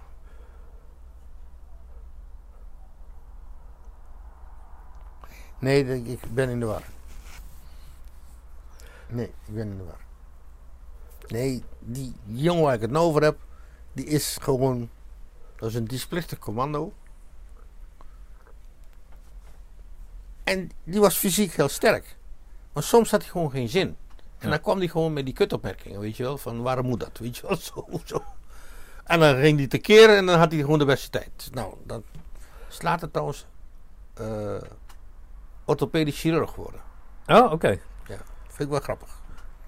Maar waar ik eigenlijk, ik was in de war met een andere jongen. Die had ik getraind bij de Belgische studenten.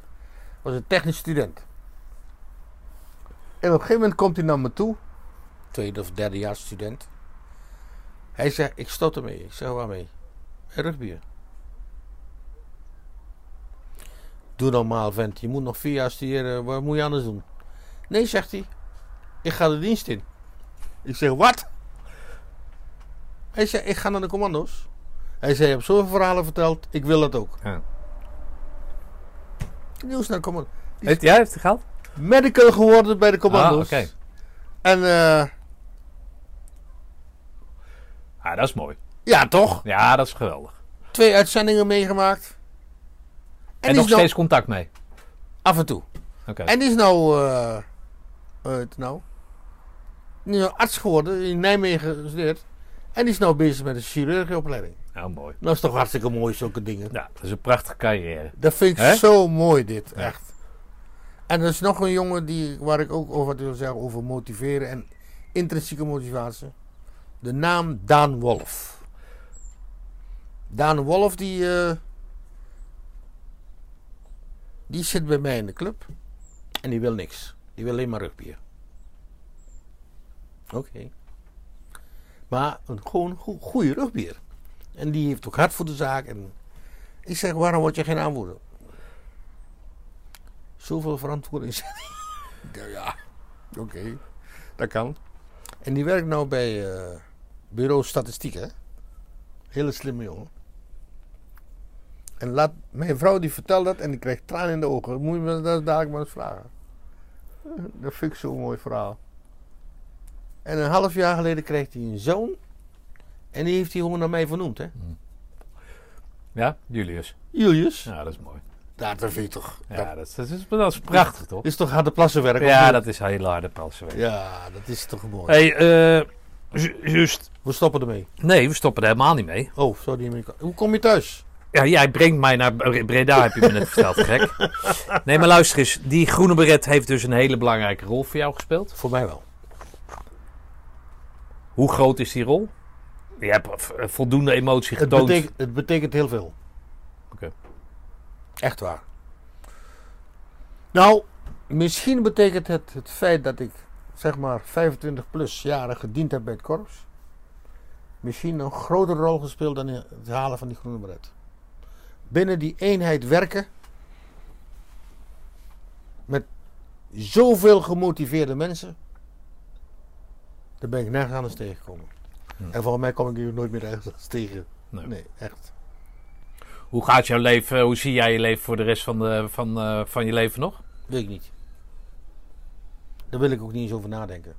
Voor hetzelfde liggen morgen hier dood in de sloot. Nee, ja, nou, dat, hij is groot genoeg voor. Maar Ja, ja, ik bedoel. Nee, nee.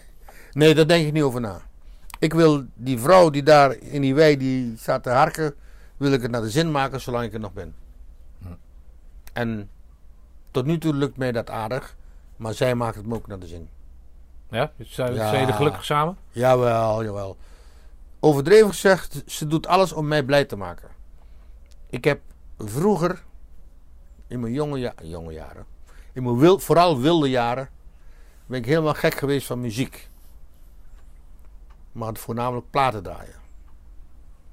CD's. Ik heb meer dan 2000 LP's en meer dan 2000 CD's. En eh oude, oude platen herinneren mij aan vroeger. Mijn vader, Nat King Cole, Louis Armstrong, dat soort. En die muziek heb ik nou weer, weet je wel. Ja, mooi toch? Ja, dat is, dat is genieten gewoon. Maar toen ik jong was,